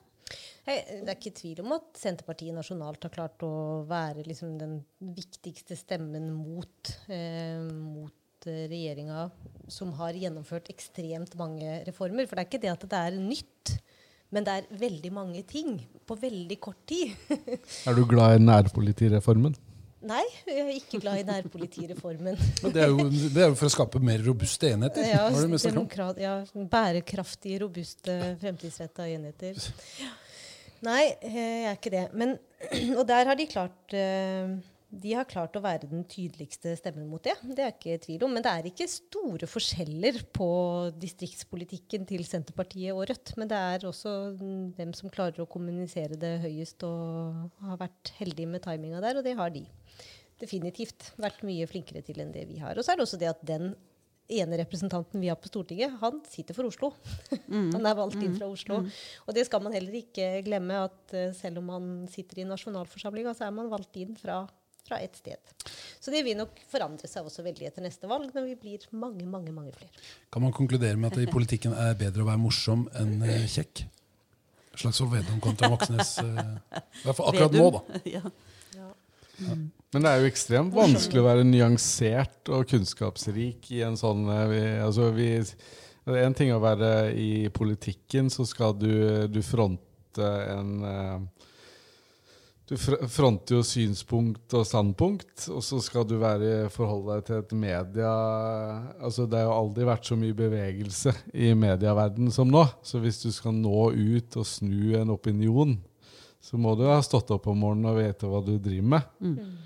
Og eh, Det er klart Obama eh, er kanskje det beste eksempelet. Han begynte jo med det her og var skikkelig god. Og nå er jo en helt annen verden igjen på noen år. Så det er jo, hvis du skal fronte noe og snu den vinden som er nå, så er det, det er jo fullt mulig. Men du skal jammen meg eh, Det er ingen lett øvelse, da. Men Trump er jo òg god. Han er god. Trump er god, altså. Men det er jo fordi at han er altså, Det er teflon. Vedum er jo ganske skamløs, han òg. Jeg sier ikke at han er Trump, liksom, men han, det er jo ganske skamløst. Og det er ganske Og han bruker men det er jo også en god ting. sant? Han bruker mye tid på Det kan han fordi at de har såpass mange representanter på Stortinget. Skal han bruke mye tid på å være ute blant folk? Sant? Han kan reise rundt, og det gjorde han jo under valgkampen. Han var jo reiste land og strand rundt til liksom det minste slakteriet oppe i den dalen som skulle lansere et nytt produkt, og der var han også. Og det er jo kjempefine ting som alle folkevalgte egentlig burde ta seg tid til, men som man, når man havner inne i det kjøret, ikke alltid alle prioriterer eller kan prioritere, da. Men så er det jo en annen ting med Senterpartiet som er veldig kjekt for dem. Og det er jo at de er jo ikke lillebroren til noen. ikke sant? De er enebarn de, i sin eh, klasse. Og det er, det er jeg- kommer ikke unna det at det liksom eh, Jeg tror det er ganske viktig, da. Og jeg tror det er liksom et Det vil alltid være et kompleks for potensielt Eller jeg, jeg spør om ikke det kan være sånn. At det kan være et kompleks for partier som SV og Rødt. da. I og med at man alltid har en stor rød eh, skyggesky over seg. Arbeiderpartiet? Ja. Men de er ikke røde, Daniel. Nei, det vil jo jeg si, selvfølgelig. Jeg syns jo de er fiolettblåaktige. Men, eh, men eh, folk i Norge tror jo det. Noen tror jo det. At de er det. Og, så, og da mener jeg det, det her mener jeg er et eksempel på at det, det Der syns jeg er politikers svar. Da. Du, det, det, man må kunne snakke om det, liksom. At det er, at det er, det er reelt. Ikke sant? Det er helt tydelig at Senterpartiet Jeg skal ikke trenge å forklare det, liksom. Senterpartiet har ikke noe stor, stor grønn-aktig storbror. Rødt og SV har det. De har en slags, Selv om ikke den er rød. Og det tror jeg folk flest i Norge vil kunne si. Rett da, uten å debattere, liksom. Greit. Ja, nei, altså, skal- kom, igjen, kom men igjen. Charlotte. Kom Ja, men det er en påstand, da. Jo, men, men, sånn? men uh, bare la meg få spørre på en annen måte. Um, uh, ikke sant? Nå har jo du driver også og jobber med nasjonalbudsjettet. Det syns jeg er veldig spennende at vi har en uh, kvinne fra Kragerø som lager et alternativt eh, nasjonalt eh, budsjett. Og eh, det gjenspeiler jo antageligvis det som Rødt ønsker av en utvikling. Det budsjettet som dere eh, presenterer.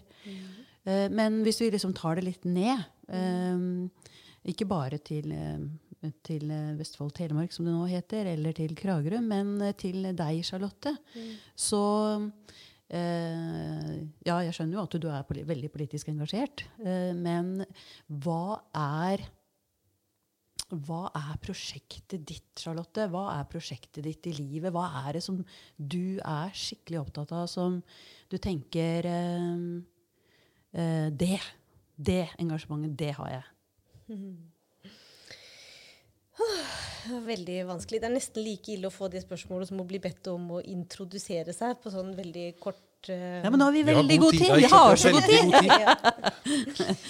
ja. Men du, altså, Du må ikke si noe Jo, om det. jo, Altså. Det er åpenbart at eh, ikke du må svare på ting du blir spurt om. Jeg om, skulle ønske at jeg hadde et veldig klart svar på det.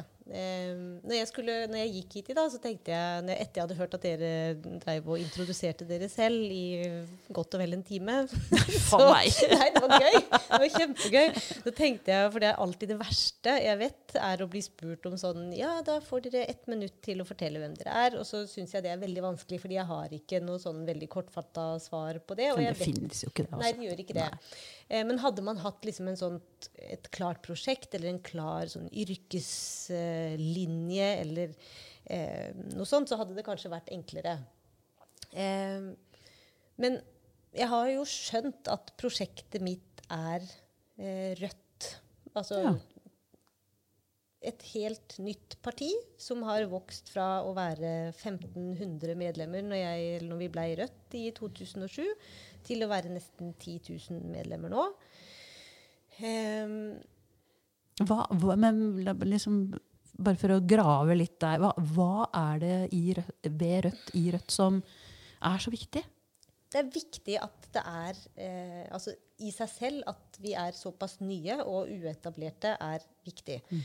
Eh, og så er det viktig å Eller jeg syns det er et morsomt prosjekt. Litt sånn som Daniel egentlig har prøvd å fortelle meg i hele dag at vi har feila med i Kragerø. Det å, å se eh, hvordan og om det er mulig å fortsette å være en slags kompromissløs stemme innad i, eh, innad i de systemene som vi må operere i for å kunne ha politisk påvirkning.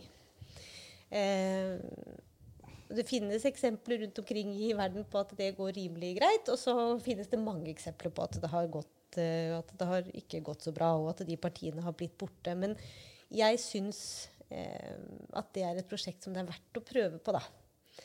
Eh, og jeg kjenner at det som har skjedd med eh, Rødt som organisasjon, og måten vi har modna på de siste ti åra, det er jeg utrolig stolt av og har veldig lyst til å være med på. Så prosjektet mitt er egentlig å hjelpe Rødt på alle måter jeg kan til at vi skal eh, vokse og fortsette å være kompromissløse. I den grad man kan få til det. Og så er jeg spent på hvor vi ender. Det men jeg kjenner at eh, det er godt å Men kompromissløse om hva da? På hva da? Med hva da? På Altså, vi er sy, Altså, det Systemtroheten, da. Ja. Eh, Ja. ja, det å fortsette å kunne løfte problemstillinger og eh, pro altså problemstillinger på vegne av folk. På, det er jo Rødts store styrke, mener jeg, det at man klarer å plukke med seg eh, folkebevegelser eller eh, en agenda som er utenfor de satte agendaene i de formelle organene. Klarer å plukke med seg de tingene inn. altså Plukke med seg innbyggerne inn i demokratiet. For noen ganger så mener jeg at demokratiet veldig fort glemmer eh, å involvere innbyggerne. ja. Mm. Eh, Er det noen eksempler du bare kunne tatt sånn i full fart nå, som du kommer på? Her i Kragerø så har vi løfta flere innbyggerinitiativer, f.eks. Eh, på Stortinget så foreslår vi eh, andre måter å involvere innbyggerne på. At man skal ha mulighet til f.eks. å komme direkte i Stortinget, akkurat som man har eh, her. At man kan komme som innbygger og stille en interpellasjon i kommunestyret. Det vil vi også at skal kunne skje i nasjonalforsamlingen. Altså det å utvikle demokratiet og gjøre det til faktisk et folkestyre, da. Eh, Så det Det egentlig det nye er egentlig veldig gammelt. Så du vil tilbake til grekerne? Nei, ikke, jeg vil ikke tilbake til grekerne. Ja, men det Det var, ikke, det var ikke demokrati. Det var veldig få som fikk lov å delta i det demokratiet. Ja, det er sant. Men eh, de var jo noe der de tenkte på, da. Ja, ja. Jeg er helt enig i at det var ikke alle kvinner og sånt som var med, men det var noen der ute som tenkte at stille spørsmål, disse gamle filosofene, stille spørsmål og Så det, det er jo litt morsomt at det, det som blir sett på som nytte, også er ganske gammelt. Men hva er Rødts hovedproblem, da? Tenker du, Charlotte? Hvordan problem tenker du da, Daniel? Eller hva Nei, mener nei nå, nå prøvde jeg Nå har jeg jo blitt skremt til taushet. Nå, eh, for nå, nei, nå, nå prøver jeg å liksom stille til Nå spør jeg deg, liksom. Hva, hva, hvor, hva tenker du Hvis det er noe, da. Finnes det, finn, hva er hovedutfordringa for, eh, for det, det arbeidet som du ser for deg Rødt? Det kommer jo litt an på hva man tenker at målet er. Det er ikke meninga å krangle på alt du spør meg om, men det er Nei, bare vanskelig å vite hva du egentlig akkurat spør meg om. Det, vi, vi har en historie, du og jeg. Det er derfor, Ja. det, er derfor det er så vrient. Jeg tror at uh, vi, vi har et stort problem i at det fremdeles står kommunisme i programmet vårt, f.eks. Eh, vi hadde et landsmøte nå for et års tid siden hvor man vedtok at eh, man skulle fremdeles bruke det begrepet, da. Eh, og noe av vår, eh, eller det største problemet vi har for å vokse veldig, er jo den tanken om at vi er en haug med kommunister, i den forstand som man kjenner kommunister fra andre steder i verden, eller folk som har betegna seg selv som det. Og det er et stort kommunikativt problem som kommer til å følge med oss i uoverskuelig fremtid. Jeg må si jeg alltid, siden jo eh, mora mi Det er ikke noe hemmelighet. Det er kanskje en hemmelighet for de lytterne vi har i Hammerfest, som jo er en eh, del av. Men har, dere har mor mi og deg, Zlata, sittet som Rødt-ledere i eh, Kragerø noen år, som vi snakket om i sted. Men jeg har alltid vært så sinna på vegne av Rødt som når eh, sånn tosker som Reidar og gjengen liksom, dere kommer slepende med kommuniststempelet i kommunestyret. Og da, i min logikk så er det sånn, da hadde jeg kalt de fascister til de slapp av. liksom. Da hadde jeg, da hadde jeg senka meg på det nivået. Altså Jeg vet at det er å senke seg på et nivå, men hvis de først legger lista der, da, så skal jeg gå rundt og være sånn skinnhellig. Jeg hadde vært der jeg vet at du kan fortelle Jeg, jeg regner med at det, jeg skjønner jo at ikke det er god Men jeg sitter og gjør det for meg sjøl når jeg sitter og ser på de kommune-TV-overføringene. Hold kjeft, din brunskjorte. Men det ble han jo. Men vi påfører oss jo det problemet selv ved å gjøre de tingene vi gjorde på Til det en viss grad så gjør man det. Så, ja. Eh, Jeg tenker på, Du snakka om sånne folkebevegelser. altså eh, Jeg syns det har vært veldig bra og interessant med denne metoo-bevegelsen, som da er internasjonal. Eh, og som har uh, skikkelig røska opp i noen sånne ordentlig ekle maktforhold som har, eh, har vært uh, veldig rådende, og som uh, sikkert er det fremdeles. Men, men eh, tenker du at, at det har um, Har det fått røska opp i noe? Har det skjedd noe? Har det, har, har det blitt pinlig å være trakasserende og og eh, klå og sexistisk. Har vi, er vi forbi det? Nei, vi er ikke forbi det i det hele tatt. Men det, er, det har nok blitt pinligere å være, å være han som klår på julebord. Det vil jeg tro. Det har blitt en større bevissthet blant ledere og en større sosial kontroll eh, rundt, rundt det. Eh, det tror jeg. Men altså, man ser jo hele tiden at eh, altså, de strukturene er akkurat like skeive som de har vært, eh, som de har vært før. I Kragerø får du ikke gjennomslag for noen ting hvis ikke du klår eller blir klådd på. Ja, jeg hadde gleda meg til kanskje du kunne dra en saftig, anonym selvfølgelig, historie fra kommunestyret i Kragerø. For jeg, jeg regner med og har hørt, eller kan tenke meg at du eh, Og tror vel at du kunne fortalt masse om det. Ja. Det er jo overalt, det. Ja. Ja. eh, Jeg har hatt eh, lokalpolitikere dundrende på døra mi når vi har vært på overnattingstur, jeg, på en måte. Det De har ikke klart å styre seg. Men det er eh, Sånn er det jo. Sånn er det overalt. Ja, er det sånn? Ja, det mener jeg. Sånn er det. Og det, og det har blitt Altså, det har blitt en større bevissthet rundt det, men jeg er ikke helt sikker på at liksom folk fremdeles forstår hvorfor det er gærent. Hvis du skjønner? Nei, nei, De skjønner at det er gærent, men de skjønner ikke hvorfor. Det er for lenge siden. Mm. Og da varer liksom den derre kontrollen litt altså Det varer ikke den så lenge, da. Når ikke man egentlig forstår hva problemet er. Man vet bare at det her Oi, det får jeg ikke lov til å gjøre. Men det husker ikke helt hvorfor. Og det gikk jo greit med Giske, så hvorfor ikke, Ja, ikke sant? Og det er jo også det da, at man hele tida ser at de herre eh, maktmennene For det er jo ofte de som Det er jo menn som har eh, blitt eh, eks, eller eksponert, da, blir jo belønna. De kommer jo tilbake sterkere og bedre, enten du har kjøpt horer i Riga eller du har gjort noe annet. Så får du, du blir belønna med mer tillit. Og sånn som du ser nå igjen, for å snakke om eh, eh, Jeffrey Epstein og den eh, opprullinga som har vært i Norge, om folk som har vært i kontrakt altså i kontakt med han, bl.a. Mette-Marit, altså vårt eget kongehus, som gjør alt de kan for ikke å snakke om det. De får det til bra. Ja, ja. Og, det er jo, og da, altså, da ser man jo hvor det maktforholdet ligger. Det ligger aldri hos de kvinnene som har blitt utsatt for noe sånt. Aldri. Noensinne. Det vil alltid, alltid ligge hos uh, maktmennene, da. Men det, også der må vi jobbe innafra, eller? Nei, Der kan man bare være forbanna, tenker jeg. Ja, der kan man være forbanna. Ja, det er et tida. område man kan være forbanna på. Ja, man kan være forbanna på de fleste områder, men der kan man god grunn til å Men jeg være syns Men jo i gamle, veldig- eh, i gamle dager var det jo I gode gamle dager. For alt var jo Alt var bedre før, Daniel. Det burde du vite. Men, da var det jo lov å klå. Da var det jo da- greit. Men, men eh, godeste Boris Jeltsin, han, eh, han var fin. Han var nydelig. Han var en eh, Kom med liksom eh, En sjarmør. En sjarmør. Det, er- det er jo bare Det er, ikke, det er alt er glemt. Det er jo sånn Han eh, drakk masse og klådde og ga ut eh, Ga bort eh, Alle maktmenn i verden har alltid drikket mye og klådd. Nettopp. Det er sånn verdenspolitikken har blitt Det er der vi er. Nettopp. Men i varaordførerstolen, da, så har du i, i kommunestyret ikke sant? og i formannskapet, så har jo ikke du blitt altså, Hvis man blir For du, du satt jo før, per, før metoo breaka. Så da må, har man jo måttet nødt til å gå, eh, smile pen, bare le av det, eller Hva har man gjort, liksom? Der tror jeg man har ganske forskjellige strategier som kvinne, egentlig. Min strategi har alltid bare vært å trekke meg unna. Og så ikke forholde meg til eh, det mennesket igjen.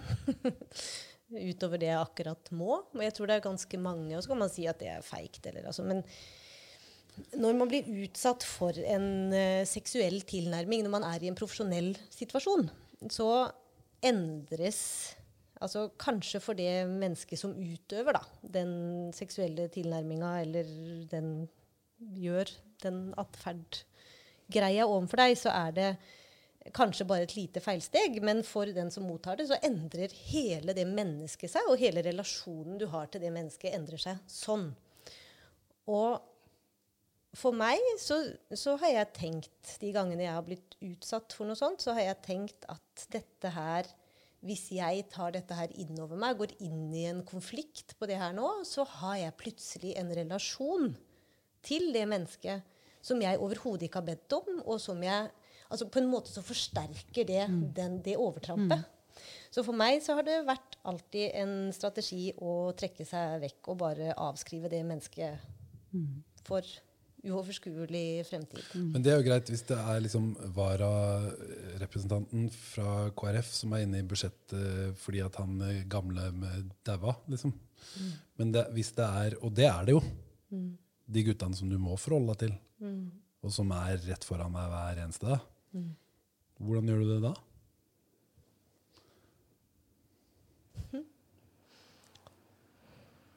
Det er noe av det samme, da. Man lager seg en avstand. Men du må fortsatt utforme politikk med dem. Du må fortsatt inngå kompromisser med dem. Nei. Det Nei? Nei. Men uh, når denne metoo-bevegelsen kom, så var jo det som var, eh, var nytt, var jo rett og slett det at uh, man begynte å snakke om det altså, i offentligheten. Så da blei det ikke bare våre individuelle strategier som, eh, som vi var underlagt. For vi snakka jo ikke om det.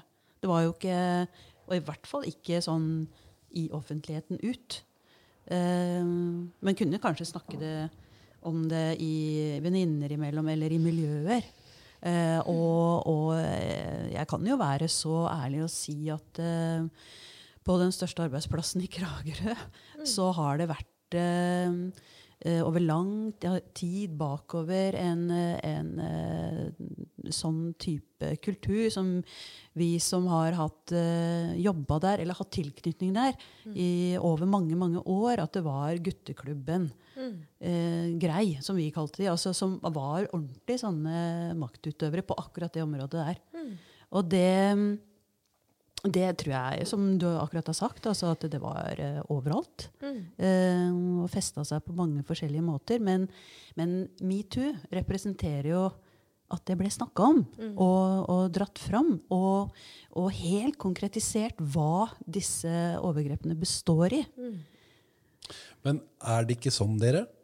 Eh, for det er, det er jo sånn, eh, syns jeg, eller det kan vi jo si, at metoo oppsto, og det, at man- det blei snakka om, eh, gjorde at det var noe som vi ikke sant, kom ut og blei på alles lepper og blei viktig i offentligheten.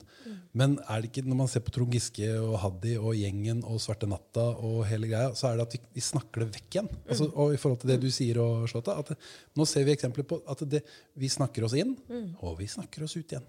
Ja, ja, ja det er jo helt Og så utrolig. står man, ja, men så står man jo tilbake med akkurat de samme individ, individuelle strategiene. da. Og så har man egentlig ikke kommet så veldig mye lenger. Og det er jo det jeg lurer på altså, Jeg lurer på hva som egentlig skjedde i metoo. Var det det at den generasjonen av menn For det er en generasjon med menn òg. Det, det er veldig viktig å si at det er faktisk en stor generasjonsforskjell. Altså, det er menn, godt voksne menn som holder på med det her i mye større grad enn deres yngre artsfrender. Det er veldig Jo, viktig men det er, det er jo også litt sånn er eh, miljøer. Altså, vi så jo på denne eh, TV-serien, så du på den, med eh, Exit? Ja da. Jo da. Ikke For sant? all del. Så Ja. på Exit. Herregud. Ja, fy men jeg, nå, nå er mener jeg, lurt opp i nå mener jeg ja. Ja, ja. ja. Jeg, jeg mener virkelig det at det ja er jeg er eh, helt enig i det. Også. Jeg har jobba i bar i veldig veldig mange år, og jeg, er veldig sånn, jeg har et veldig tydelig bilde av hvem det er som utfører den type, den type handlinger. Da. Men da har vi gått inn i eierskap også. Ja. Men det jeg tenker, hva skjedde egentlig med metoo? Var det det at eh, noen fikk seg en aha-opplevelse av at eh, Oi, dette her er ikke greit. Eller forsto man faktisk hvordan de som står i andre enden av en sånn tilnærming, har det? Og jeg tror ikke det siste er tilfellet. Jeg tror bare at man eh, hadde en litt sånn reality-check for- på en del menn over 60 år, liksom, som plutselig skjønte at oi, vi holder ikke på sånn lenger. Det var jo synd for meg, og så må jeg prøve å liksom, viske ut sporene mine så godt jeg kan og få folk til å holde kjeft. Men jeg tror ikke man forstår hva det gjør i en relasjon og i et profesjonelt forhold. Liksom. Jeg tror ikke man har klart å skru Jeg tror på. Jeg tror metoo-saken er et eksempel på en sinnssykt heit, deilig, svær nyhetssak. Og er et, eh, som så mange andre ting, et eksempel på det massemediale problemet vi har nå. Det kan vi snakke mye om eh, mer, eh, og kommer vel til å snakke om. Og det er jo en del av hele podkast. Frem, fremvoksten av Er det det man sier? Fremveksten? Voksten? Opp, mm. opphavet av pod som er i ferd med å skje. Fordi at massemedia sliter såpass som de gjør. Og som vi var inne på i rødvinssessionen vår eh, her i forrige uke. Med Svarte Natta og Giske som eh, Ja, altså det er jo eh, nå, Jeg vet ikke om du har fått med deg det, men eh, Giske er jo invitert til Filosofifestivalen i Kragerø. Eh, og har du noen kommentarer til det? kom med noe saftig. Jeg bare syns det er igjen veldig rart at man liksom klarer å se på den mannen som vanlig. Og invitere han til vanlige politiske ting. Og det er jo det som er hovedproblemet. Jeg, jeg syns det er uh, Det er sikkert sikkert litt sånn eh, Hva skal man si? Det er sikkert litt nyhetsverdi i det for Filosofifestivalen på en måte. Det får være greit, det. Men det det, det, jeg blir skuffa, eh, ikke over filosofifestivalen i seg selv, men bare over at man hele tida driver og normaliserer eh, så helt tydelige sånn, karakterbrister. Og unnskylder menn gang på gang på gang ved å bare normalisere og gjemme og glemme. Og, ja. Så jeg reagerer ikke noe mer på det enn at Trond Giske får tillit andre steder. Liksom. Det, I ekteskapet, blant annet. Ja. Det får nå være hennes sak. ja. Men, men altså, la, eh, kunne også tenke meg å bare snakke litt om det. For det, nå har jo du nevnt flere ganger at det dreier seg om kvinner. Og det er jo kvinner som, eh, som eh, fikk hovedfokuset Eh, og og eh, sånn som maktstrukturen har vært, så er det jo eh, kvinner som da har eh, stått i et eh, i et skeivt maktforhold. Da. Eh, men, eh, men det gjelder jo også selvfølgelig menn. Og det gjelder eh, folk med forskjellige legninger, eller det gjelder altså, alle variasjonene som finnes, som av en eller annen grunn ikke mm, passer inn i det gode selskap, som det er mulig å, å herje med. Da. Og så bruker man dette sexistiske språket eller maktutøvelsen. Eh, og, uh, og jeg, jeg er kanskje litt mer eh, Kanskje jeg er naiv, men litt mer eh, optimistisk eh, enn det dere er. For jeg føler at det har skjedd en endring. At folk har blitt mer bevisst. Og, og ikke, ikke minst bare det å få noen ord på det. Med at eh, det, det finnes, og at det er ikke greit, og at eh, det er, eh, det er rett og slett ikke lov. Altså, du kan gå til en arbeidsgiver, eller du kan gå til, til rettssystemet og påpeke, og du kan varsle, du kan si fra. Eh, og det å i det hele tatt at det har kommet mye mer opp og frem, og at folk kan forholde seg til det på en, en eh, litt sånn iskald måte, og så identifisere at det, det, det der, det er ulovlig. Så jeg, jeg tenker at det har skjedd noe, altså, og, og at det har skjedd noe internasjonalt. Men det er kanskje veldig naivt. Nei, jeg tror ikke det er naivt. Og jeg tror også at det har skjedd noe. Men det har skjedd noe i, i de formelle strukturene, sånn som du beskriver. Det det, viktig, at da. varslingslinjer er på plass, og liksom Ja. folk vet hva de skal gjøre med det hvis de Ja. opplever noe sånt. og sånn. Men, men jeg tror ikke eh, nødvendigvis at man skjønner hvorfor fullt ut. Mm. Og det er det som er problemet. Ja, og jeg, jeg som den eh, nå, jeg- Jeg vet ikke om alle vet det, men eh, jeg er jo anarkist. Så Nei, det har vi ikke fått med oss. jeg eh, mener jo at altså, det her er jo et eksempel på et maktproblem. ikke? Maktutøvelse. Og så lenge man, så lenge man unngår å på en måte debattere og ta opp det, da, og skjønne, skjønne den fulle betydninga av det, så vil det vedvare. Og, det er jo, og der er jo også massemedia inne som, som en aktør. Ikke sant? I forhold til hvor, hvilken oppmerksomhet de forskjellige eh, aktørene får. På hvilken måte. Som Svarte Natta, mediekonferansen oppe i nord et eller annet sted, på latterlig måte eh, viste.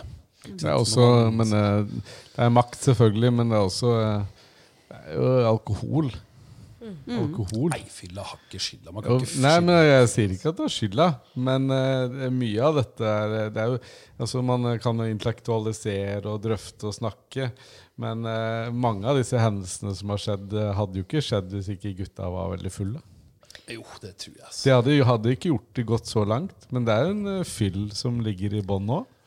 Mye som har skjedd ja, ja, Jeg fester veldig sjelden, selvfølgelig, men andre Du, det... du snakker om det. hvordan du oppfører deg i fylla. Men jeg, jeg, podcast er jo egentlig til å gå til psykologen, så nå får jeg endelig snakke Ja, om det Ja, det. er mye bra terapi i Det er- Det er mye bra terapi. Men eh, det er, jeg, jeg vil påstå at det er noen ting som skjer i, i påvirkelse av rus som kanskje ellers ikke hadde skjedd. Jeg sier ikke at eh, Jeg kommer, sitter ikke her med noen unnskyldning her nå. Det, det er ikke forsvarlig like bra. Men eh, bare det at hvis man tar bort en del av alkoholen fra sånne store fester, så eh, det roer seg ganske mye allikevel. Men det er ganske morsomt at du skal nevne det, fordi det var litt sånn umiddelbart etter at den metoo-bølga virkelig kom. da, så var det sånn man i panikk gjorde i alle offentlige eh, organer. Så nå må vi ha nye vedtekter og retningslinjer for hvor mange enheter alkohol vi kan få når vi er, Det er på det fest. viktigste. Vi må ha vedtekter. Og det var liksom det første som kicka inn. sånn Det er Ja. handlekraftig. Så fint. Da går vi fra fire til to. to. Og så håper vi at det Nå forlater vi syndefallet ved hjelp av rules and regulations. Men det er et viktig poeng ja, det, altså I forhold til massemedia og makt og, sånn, og den store, feite, sexy nyhetssaken, så er det et viktig poeng at norske, som vi tok opp her i rødvinsfylla sist Det var ikke, var ikke så. Men, eh, men at eh, norske redaksjoner Det var ikke noe hemmelighet for norske redaksjoner at eh, Trond Giske var en kødd. Nei, nei. Og det var ikke noe hemmelighet. Altså, norske redaksjoner vet veldig godt hvem, på hvilket område som er eh, rasshøl. Og det visste de lenge før eh, metoo. Og det er en grunn til at det går fra, den, e- fra det ene til det andre. Er noe som blir skrevet om, og, og, at, det, og at det helt plutselig ikke blir skrevet om. På samme måte. Og det er ganske viktig, og det er ganske talende for metoo eller hva som helst annet som mediene prøver å påberope seg av liksom samfunnsansvar og ta opp viktige ting. Og det, det, er, eh, det er noe å tenke over for alle dere. Skal man huske at man bor i et land som er like stort som en skoeske? Det har jo noe med det å gjøre Har noe med det å gjøre. Men eh, Charlotte, eh, det er en ting jeg må snakke om. Og det, du har jo nettopp vært ute av dette landet. ja. Nå kommer det! Har du vært ute av Det, landet? ute av landet. Kan du, jeg tenkte jeg kunne stille åpent Det er noe jeg liksom skulle ønske at vi skulle snakke om at jeg hadde vært i Kurdistan eller noe sånt. Kurdistan. Vi det. Nei, vi... nå skal vi snakke om at jeg har vært i Sverige. Absolutt. Hva skjedde i Sverige, Sånn? Nei, for det har seg sånn at jeg har fått, jeg har fått svensk kjæreste. Og da svigerfamilie svigerfamilie i Sverige. Og jeg har aldri i hele mitt liv før eh, august-september i år handla i Sverige. Men nå har jeg oppdaga svenskehandel. Ja. Ja, ja, hvordan er det? det er helt fantastisk. Men det hadde Men, eh, Så nå har du blitt skikkelig fan av Harry syndig. men altså, som en, som en eh, som, Det, hadde ikke, det er ikke like, hadde ikke vært like lett å innrømme det som varaordfører? kanskje? Å jo. Du hadde det? Jeg hadde det. Du hadde ikke Det tenkt på det lokale lokale Det er en åpenbaring. Ja. Hva er det som er så fint med svenskehandlinga? Du, det er så billig. Oh, ja, det er billig! Utrolig billig. Ja. Ja. Nei da. Det er eh, Jeg overdriver ikke heller, egentlig. Jeg gjør ikke det, altså. Men det var bare en, det var, jeg har jo hørt om at folk reiser til Sverige for å handle, og så har jeg egentlig aldri liksom Jeg har aldri gjort det selv, men nå har jeg latt meg engasjere av at det er uh... Vi trenger jo egentlig noe krutt som kan liksom refereres på VG som lokal Kragerø-podden. Eh, altså, og det du sa i stad om alle de kiloene med smågodt inne på Rødt sekretariat eh, inne i stortingsgruppa i Oslo, det, synes, det tror jeg veldig på. Hvis du nå kan gjenta det eh, for åpne mikrofon, sånn at de kanskje Og VG, hører, det, hører dere VG? Bjørnar, kan dere der, det? VG hører du? Sitter, eh, sitter på. Nei, jeg handla smågodt på salg i Sverige. To kilo av det, og forærte det til eh, til Rødts uh, sekretariat på Stortinget. mens dere satt på holdt på med sukkeravgifta? Og de De, ja. de ble entusiastiske, de òg. Ja, de- ja. ble sukkersmida. Alle mann alle. Rødsprengt i Alle, ja, ja. trynet. Sånn blir det statsbudsjett, da. Ja, det er deilig. Ok, Så nå er det, nå er det en eh, miks av besøke familie og shoppe billig godteri. Det går nok over, altså. Men bare, det, var en, det var en stor oppdagelse for meg. ja, ja, ja. Ja, men vi har alle vårt. ja, ja. Og det nye er da Rødt drar til Sverige og handler som kyllingving... eh, Ikke ky- kyllingbryst. Sånn uh, vanninfiserte Jeg har ikke vært på Nordbysenteret ennå. Altså, jeg gleder meg til det. Det, skal jeg, Det blir helt topp. Ja. Det, er, det er svært. Men jeg har vært på Ullared. Jeg var på Ullared for en ukes tid siden. Det var, Wow. Det er rally, rallybane, eller? det var gærent. Hva er, det, er det rallybane, eller? Nei, det er, det er ikke det sånn er kjempestort som senter? Nord-Europas største kjøpesenter. Daniel, du vet godt hva Ullared er. Jeg Ikke sitt der jeg er skånsk. Jeg er ikke sendt. Det skal jeg ikke ha på meg i det hele tatt. Jeg er skånsk, og det er jeg stolt over. Snappaneklanen, evig leve. Skånsk selvstendighet. Nei, men jeg var også inne på valgomaten. Jeg sa det rett før jeg kom hit i dag, så gikk jeg inn på en eh, Da måtte jeg gjøre det, det berømte søket Charlotte Terkelsen på Google. Jeg innrømmer jeg har gjort det søket for noen minutter siden. Og Der kom jeg inn på sånn valgomat. Det er at VG sin valgomat da, du hadde besvart. Du fikk Senterpartiet. Og der, der var det at eh, bompenger Du hadde ikke besvart et eh, Det var mye du hadde besvart, da. Men det var ett spørsmål som ikke var besvart. Så da tenkte jeg jeg måtte stille det spørsmålet. da. Og, at, og det å bruke bompenger Bompengepartiet er jo et stort parti i Norge, har jeg fått med meg. Og det, de kan bruke bompenger til å bygge videre kollektivtrafikk. Der sto det 'kandidaten har ikke besvart det spørsmålet'. Det var nok fordi jeg ikke mente det var så relevant for, et, eh, for valget akkurat her. Men Rødt er jo ikke så veldig glad i bompenger. Nei, det har vi jo nettopp. felles med Frp. Der møtes de, der sirkelen slutta. På, Det der er liksom sirkelen går rundt, og så treffes man der. Ja. Hvorfor det? Fordi at det er en, Vi er veldig glad i at ting skal være inntektsstyrt og litt sånn. Og det er en skatt som rammer helt flatt alle, og dermed ganske uproporsjonalt i forhold til inntekt. Så man ja, vi har bl.a. i det statsbudsjettet som jeg har fått lov å være med å lage, så har vi, har vi et forslag om en sånn tilbakebetalingsmodell for eh, forskjellige typer klimaavgifter og for å få etter inntekt, da. Det skal, det, det skal trekkes på skatteseddelen? Er det det? Nei, at man Nei. rett og slett får tilbake eh, Hvis man får økte miljøavgifter, da f.eks., så får man da en eh, eh, tilbake over skatteseddelen etter inntekt. Så får du en sum hvert år på Og sånn. tilbakebetalt. Ja, det, ja. det blir andre veien, på en måte. Avgifter, sånn Ja. at man skal treffe pro proporsjonalt riktig da, i forhold til Mm. inntekt. Igjen kan jeg konstatere at vi er uenige, Charlotte. For jeg har jo foreslått eh, bompenger hver femte meter i Kragerø sentrum for å eh, finansiere lokalt næringsliv. Ja. Det Med vekt på antikvariat? Og, eh, Ja, så mest de som har minst. Der er vi kanskje enige igjen. Bokpengepartiet. Ja. Ja. Bokbompenger. Det blir bra. Ja. Ja, men Det er nydelig. Men jeg tenker jo på, når jeg tenker på Rødt, så tenker jeg at det er folk som er opptatt av rettferdighet. Mm. Det tenker jeg. Jeg Og jeg, og, ja, jeg tenker det.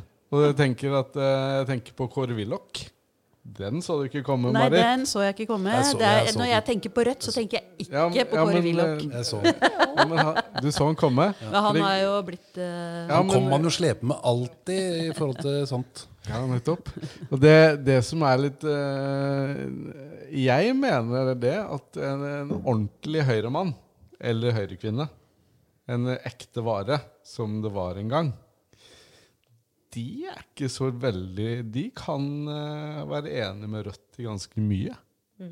For de har sånne verdier som er ordentlig høyreverdier. De fins Jeg vil ikke si at Nei, det fins så mye mye av de de, og hvor forsvant de? Nå er det egentlig bare kapitalister, alle sammen, som Mm. bare beveger seg etter Ja, jeg mener det. Og de med en eh, Kåre Willoch eh, sånn og ordentlig høyreverdier, da, de mener Hva tenker du om det? Tror du jeg er helt på jordet? Nei, egentlig så er det jo ikke det. Det går jo litt på den derre eh, Som vi finner igjen mellom Rødt og, og KrF også, f.eks. Som går på litt sånn verdispørsmål, da. Og prinsipielle verdispørsmål som, som innvandring, f.eks. En del av familiepolitikk, barnefattigdom. Altså en del sånne litt prinsipielle, grunnleggende verdier som man kan finne igjen egentlig ja, spesielt KrF og Høyre og Rødt, egentlig. Jeg har hørt på mye svenske podkast i siste for å bli god på podkastet. For jeg føler jeg har masse å lære. Eh, og da har jeg Der er det jo eh, Det er veldig interessant. De er jo, har jo kommet lenger både i forhold til billig smågodt og andre ting.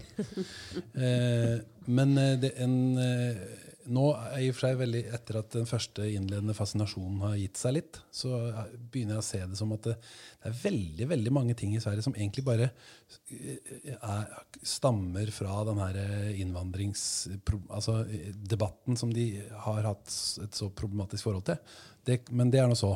Men eh, noen av de som er mest sånn eh, Som kaller seg for libertarianere, eh, de, eh, det er artige folk. Eh, de mener mye rart. Noe er artig, noe er ikke fullt så artig. Men noe av det de sier, for de er generelt ganske kritiske til sosialdemokratiet. sosialdemokratiet. Og de mener jo at eh, alle Altså det politiske spekteret i Sverige Men de er, vil jo sikkert si det om det både danske Og de, jeg mener å ha hørt de si det, både om det danske og norske sosialdemokratiet. At partifloraen i alle de skandinaviske landa egentlig er sosialdemokrater, alle mann alle. Um, og jeg, jeg eh, som har hørt litt på det, kan jo skjønne hva de mener om det. Men hva mener dere om det? Er det rundebordsfolk?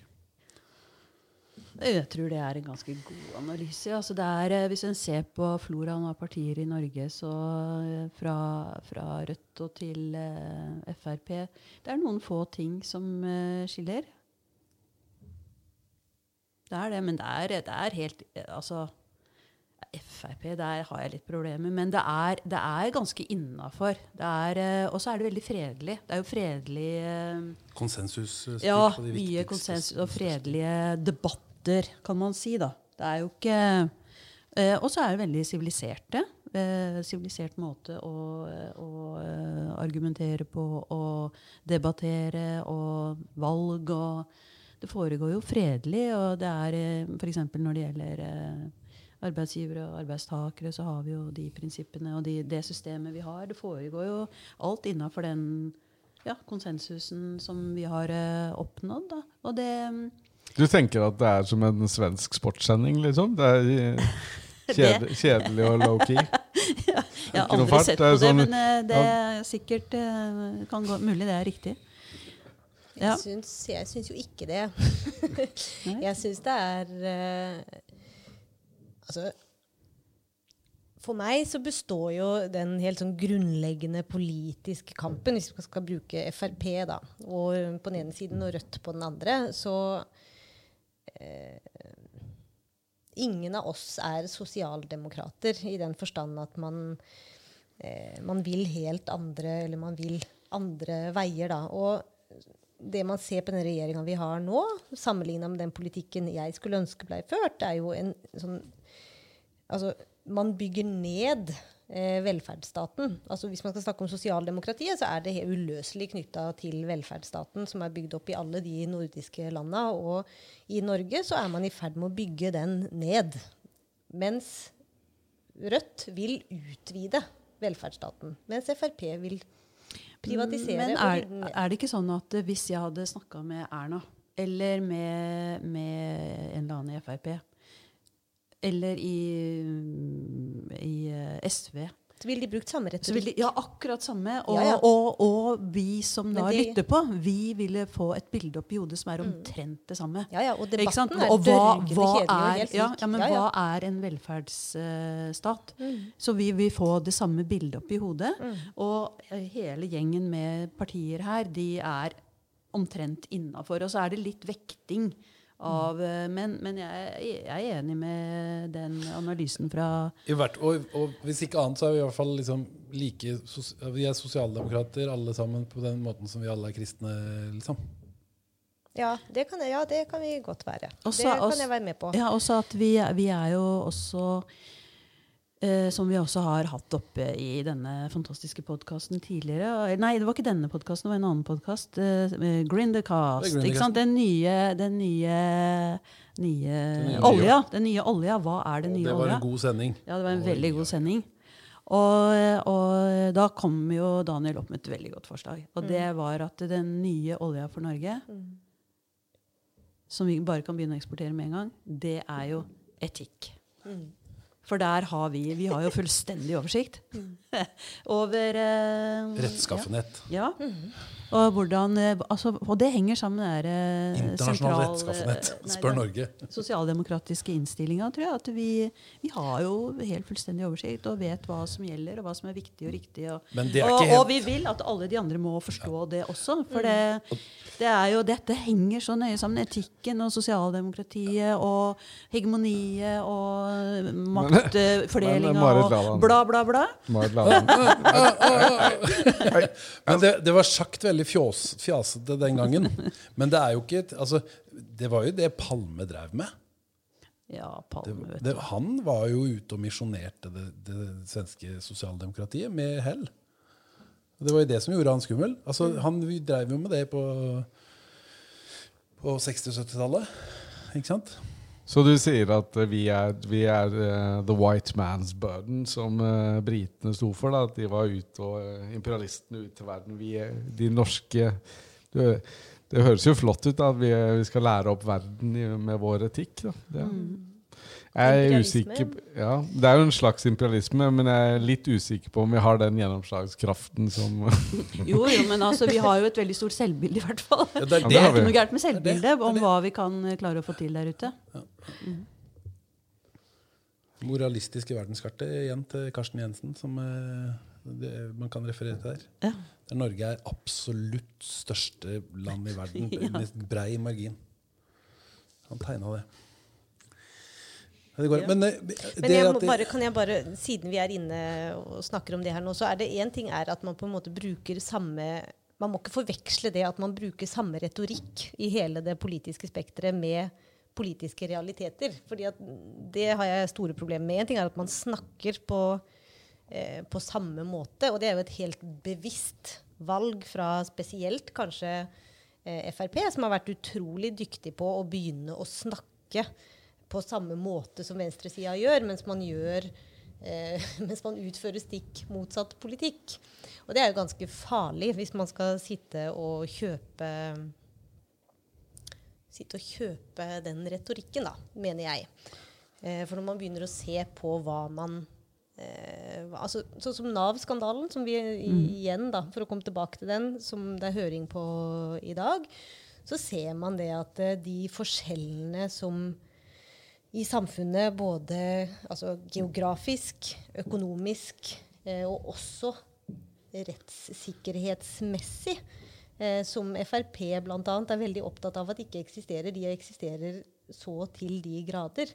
Og det er kanskje det eneste som er godt med, eh, med den Nav-skandalen. Det er akkurat det at den avkler sosialdemokratiet, på en måte. Fordi man ser at det er ikke eh, det er ikke lenger hva det var tenkt til å være, og ikke det vi går og forfekter at det er. Fordi at folk har faktisk ikke den rettssikkerheten, de har ikke de rettighetene de skal ha innenfor det systemet som vi går og misjonerer til verden.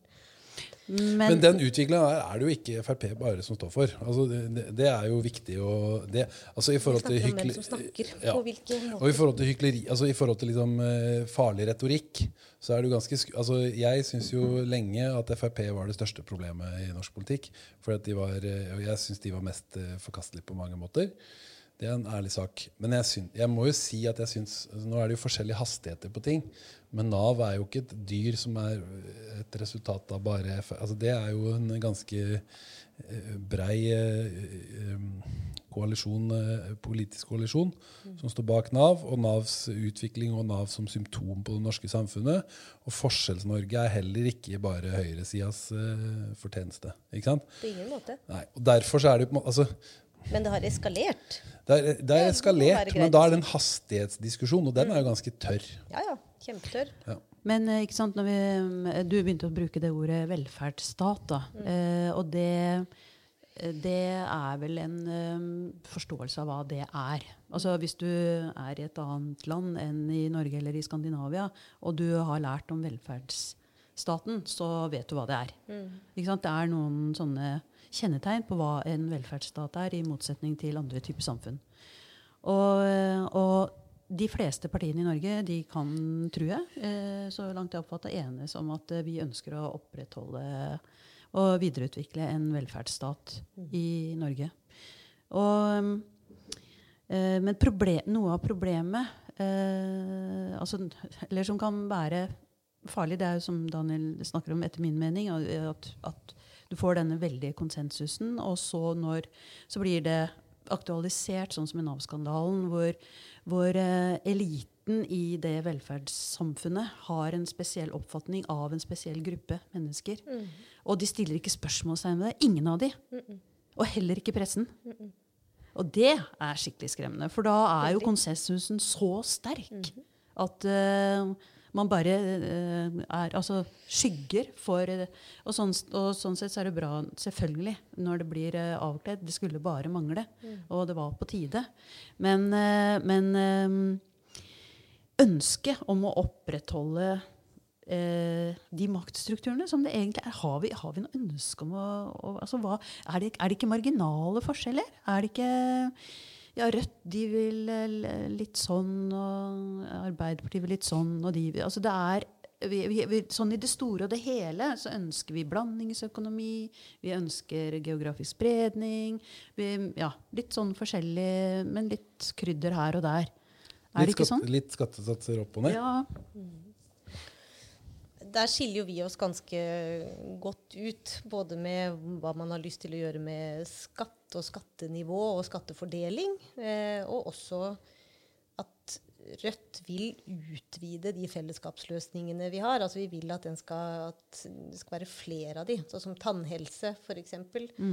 Eh, at man vil gjøre barnehage gratis, at man vil ha tannhelse inn under, eh, inn under eh, folkehelseordningen og sånn, eller folketrygdordningen. Men, og det er jo der egentlig den store forskjellen ligger. Altså eh, det at hvorvidt man mener at man trenger eh, å videreutvikle velferdsstaten, altså fellesskapsløsningene i den, eller om man på en måte har kommet dit man vil med den, og så er det bare snakk om å nyansere om det er private, ideelle eller, eller eh, offentlige som skal drive med de forskjellige tjenestene i den. Og akkurat den siste delen av det, er jo, det er jo det man driver med, vil jeg påstå, på de, den største delen av den politiske skalaen. Da driver man og, og diskuterer hvorvidt det er eh, den eller den eller den organisasjonen eller det eller det firmaet som skal drive med akkurat den og den tjenesten. Men det store spørsmålet om vi trenger nye velferdsreformer i Norge og et større fellesskap, den vil jeg si at det er ikke en diskusjon vi har veldig ofte. Og der er det Jeg, jeg bare husker når du, du var her på dette fantastiske nye. Krageinstituttet. Ja, Da har vi sånn da, da, da, da, da. Ikke den Yeah. Og da begynte jo du Charlotte, å snakke om eh, en ny eh, måte å tenke om økonomien. Nå husker jeg ikke det uttrykket du brukte. Eh, Jo, det var veldig fint. Ja, det var veldig fint. Men jeg bare kommer ikke på akkurat hva det var. Eh, Tankesettsrevolusjon? ja, det var noe sånt noe rundt økonomi, da. Eh, og det syns jeg Da begynner vi liksom å snakke litt utenom den konsensusen. Men det er skummelt. Og det, nei, det er jo ikke skummelt, Nei, det er jo det som interessant og gøy. Og det er Og, jo og det som, er hele Rødts Jo, men det er jo, skummelt også, og som, eh, jeg tenker også at det hadde vært eh, noe som kunne bringe verden litt videre. Ikke, ikke jeg vet ikke om akkurat den politikken som dere Nei, står for, for det vet jeg altfor lite om. Men, men det at vi kan Og at det er kanskje det som etterspørres også, ikke minst når det gjelder, eh, når det gjelder eh, eh, altså klimaspørsmålene. Så vi må, vi må begynne å tenke nytt og tenke ut av boksen. Jeg syns det var veldig interessant i dag. Jeg leste bare en sånn liten snutt om eh, en filosof som eh, eh, begynner også å snakke om Eller eh, forske på eh, på eh, Og nå begynner jeg å snakke om noe som jeg har så lite peiling på. Men, men hun som filosof, altså med hennes vitenskapsteoretiske tilnærming, går inn og eh, snakker om sånn eh, Eller eh, forsker på eh, sånn eh, kvantefysikk og den slags type ting. Fordi de kommer ikke videre. ikke sant? Ja, Nå har vi visst om veldig lenge om det sorte hull og noen andre sånne ting. Eh, men de kommer ikke videre. ikke sant? Vi hadde Einstein, han eh, fant opp den der relativitetsteorien. Og han eh, eh, altså Det var bare noe han fant på oppi hodet sitt. Og så i ettertid så fikk man, på, eh, fikk man verifisert at den holder, den teorien hans. da. Og hun tenker det samme. Dette er en ung kvinne. Hun tenker det samme om eh, den problematikken eh, innenfor, eh, innenfor disse fysiske lovene når det gjelder det sorte hull. At de, kom, sånn, at de strever med å komme videre for å forstå mer. Av, eh, og da eh, bruker hun sin kritiske, eh, filosofiske, vitenskapsteoretiske tilnærming for å bidra. Så jeg tror at det kan være en måte for å komme videre. Og det var, eh, jeg nevner det nå bare som et eksempel på at eh, jeg syns det er spennende hvis man kan, som du nevnte, da, eh, med et nytt tankesett rundt dette med økonomi. At vi må vi må begynne å tenke at når noen kommer med nye tankesett eller nye spørsmål, nye måter å ordne ting på, så må vi ikke bare være så jævlig fordomsfulle fordi det ikke er innafor den konsensusen. Eh, men det er vi veldig fort. Eh, og det, det kan, altså vi kan ikke holde på sånn. Altså, alle skjønner jo det. At vi kan ikke holde på på denne måten. Sånn, det, det hindrer ikke utjevning. Det hindrer ikke eh, klimakrise. Det hindrer ikke utarming. Eh, det hindrer ikke at de gamle maktstrukturene består osv. Så, videre. så vi må komme videre. Men vi tillater ikke oss selv å, å være mer Bruke fantasien mer, bruke Men- eh, Eksperimentere. Altså, vi er jeg, Ja. Det vinner vi ikke valg på, altså. Det er ikke en valgvinner du snakker om der, altså. Det er det det koker ned til. Ja, det er kanskje det. Nei, eh, flåste igjen, men eh, Nei, en altså, påstand, da. En s- egentlig Gallupen en bestemmer. påstand. Ja. Mm. Og det, fordi at det er jeg, mitt inntrykk eller jeg, jeg ønsker å fremstille det som et spørsmål, men altså det er, politikken er jo til, til langt på vei ganske spekulativ. ikke sant? Det dreier seg om, eller Mitt inntrykk av den da, er at den er ganske spekulativ. Samtidig som den selvfølgelig er fullt av de beste intensjoner på fellesskapets vegne. Men budskapet, altså arenaen der meninger brytes, er jo, er jo ganske spekulativ. Er ikke det vrient å få Men, hvor, men hvordan hadde Kragerø egentlig sett ut hvis liksom, anarkien din hadde vunnet valget? da? Og det er også deilig når jeg Det er når- bra, Charlotte. det- Endelig motspørsmål til deg, Daniel. Nå har du petter er når Charlotte med spørsmål. dere, ja, ja. Det er så deilig når alle dere eh, skal ha meg til å forklare den anarkistiske idealløsninga. For den kommer alltid til slutt. At nå må du forklare den anarkistiske idealløsninga. And now har du you have one minute to explain Jo, nei, men- deilig. Jo, jo, men følg med nå, da. Følg med nå. Eh, skal vi ta tida? Nei, men eh, greia er jo at eh, For det første så hadde vi ikke stilt eh, til valg. Og det som er greia når vi snakker om å tenke utafor boksen jeg, jeg har snakka om det her før, og jeg kan snakke om det nå. og Jeg kan snakke om det igjen. Og, eh, greia er Når man snakker om å eh, snakke og tenke utafor boksen, så er jo det det som man tillater seg å gjøre som anarkist. For det handler jo om et folkestyre i dypet. Og det som er felles for de største anarkistiske tenkerne, er at de har endt opp med etiske avveielser. Sånn som veldig mange andre har gjort. Men de har endt opp med det, og samtlige har dødd før de har blitt ferdig, for de har skjønt at her er det mye å ta i. Og det handler om evolusjon før evolusjon.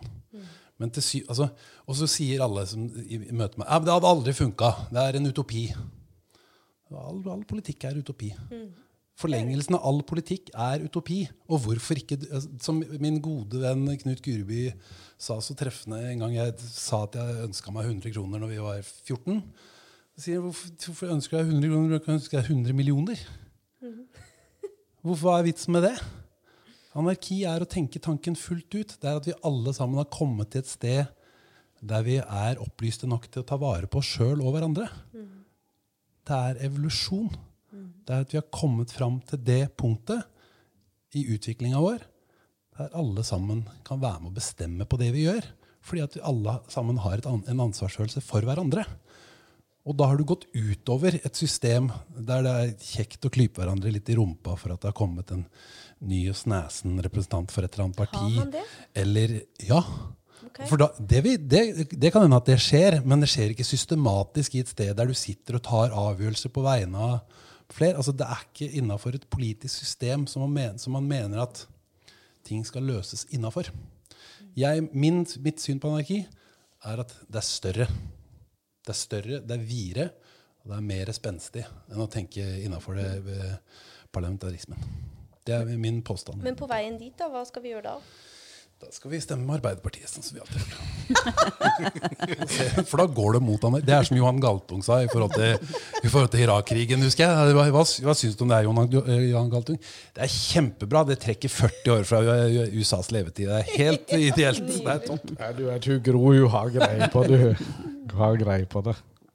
Nei, men det er jo, og man ser jo, og det syns, Jeg syns jo at vi har hatt våre gode krangler opp gjennom slottet. Jeg har vært mye etter deg. Vi skal ikke stikke det under en stol.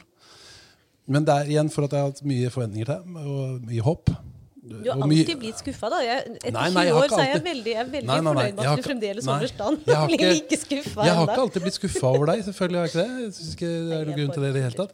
Men, eh, men eh, eh, det jeg syns, er at eh, Det jeg syns er at det, det som er interessant, mer og mer Der jeg før var mye mer kontrær og opposisjonell, så syns jeg det er mer interessant å snakke om det på prinsipielt grunnlag. Jeg syns ikke det er så interessant å sitte Og jeg synes, egentlig så syns jeg det mest interessante er å komme litt under. For at jeg, jeg, min erfaring da, det er to yrkesgrupper som jeg sliter litt med, som prøver å fortelle meg verden på en eller annen måte. Og det er journalister og det er politikere.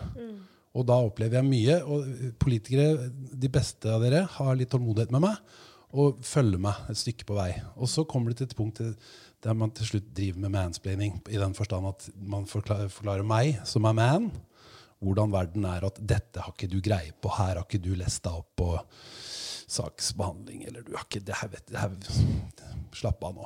Det her, ikke tenk på det. Vi har aldri har på meg at jeg har gjort, faktisk. Nei, nei det, og det, det skal du ha. Det har du. Men, ø, og, og samme med journalister.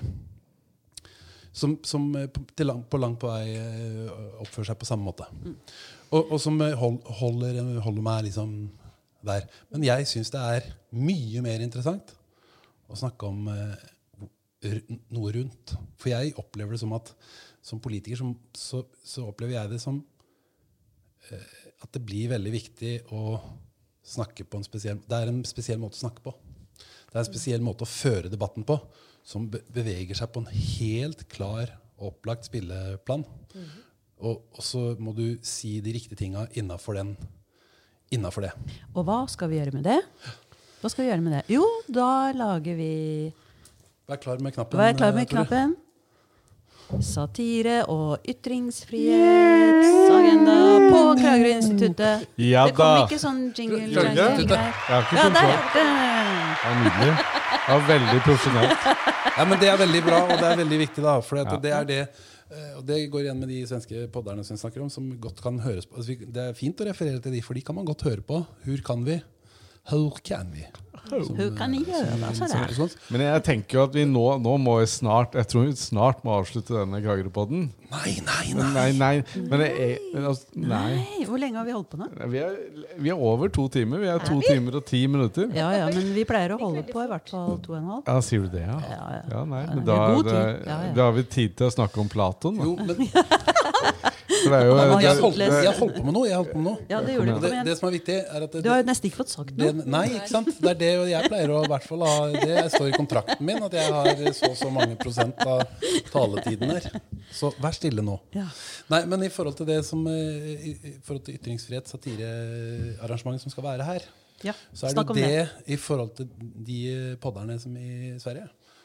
Og det som er interessant I enden av all politisk debatt, i enden av all tanke om stat og styresett og eh, ideologi og politikk, så er det jo liksom de tinga vi kan være enige om. Og det er ytringsfrihet og demokrati. Og, de, eh, og kampen for eh, de mest ideelle formene for det. Og at ikke det er noe som er eh, ferdig i samfunnet vårt, men at det er noe vi må strekke oss etter. Og der mener jeg man har en jobb å gjøre. da. Eh, og- Også i forhold til parlamentarismen i Norge sånn som den er. Og, og hvordan makta blir utøva mellom eh, folkestyre og massemedia. Så det, det er veldig bra. Det er veldig veldig bra med et sånt eh, Det er egentlig så bra at Kragerø er eh, sånn som jeg er i humøret nå. Så er ikke Kragerø helt verdt det. Ja, Det er for ja. godt for Kragerø. Ja. Det som skjer på Kragerø-instituttet. det hørtes litt sånn furtent ut. Ja, det Ja, kan jeg Det er noen hilse og si at det er. ting, noen selvopplevde ting som ligger kort tid tilbake, kanskje. Jeg har hatt en dårlig periode. Men Daniel, siden vi liksom er, hvis vi skal mimre litt, da, kan Ja. vi ikke mimre litt tilbake til Kragerø avvikling? Jo. Siden vi nå liksom sier det høyt, eller for første gang jeg sier det høyt. Ja. Har vi snakket, Dere har ikke snakka om det på denne Kragerø-podden før? Nei, det er en egen Ja, Det kan vi ta en gang. Ja. Du snakker litt om det, Daniel. Om Kragerø-avvikling? Ja. Jo, jeg kan si litt om det. Eh, Det som var gøy, er jo at eh, Altså, det er jo sånne ting, ikke sant? For det som var greia med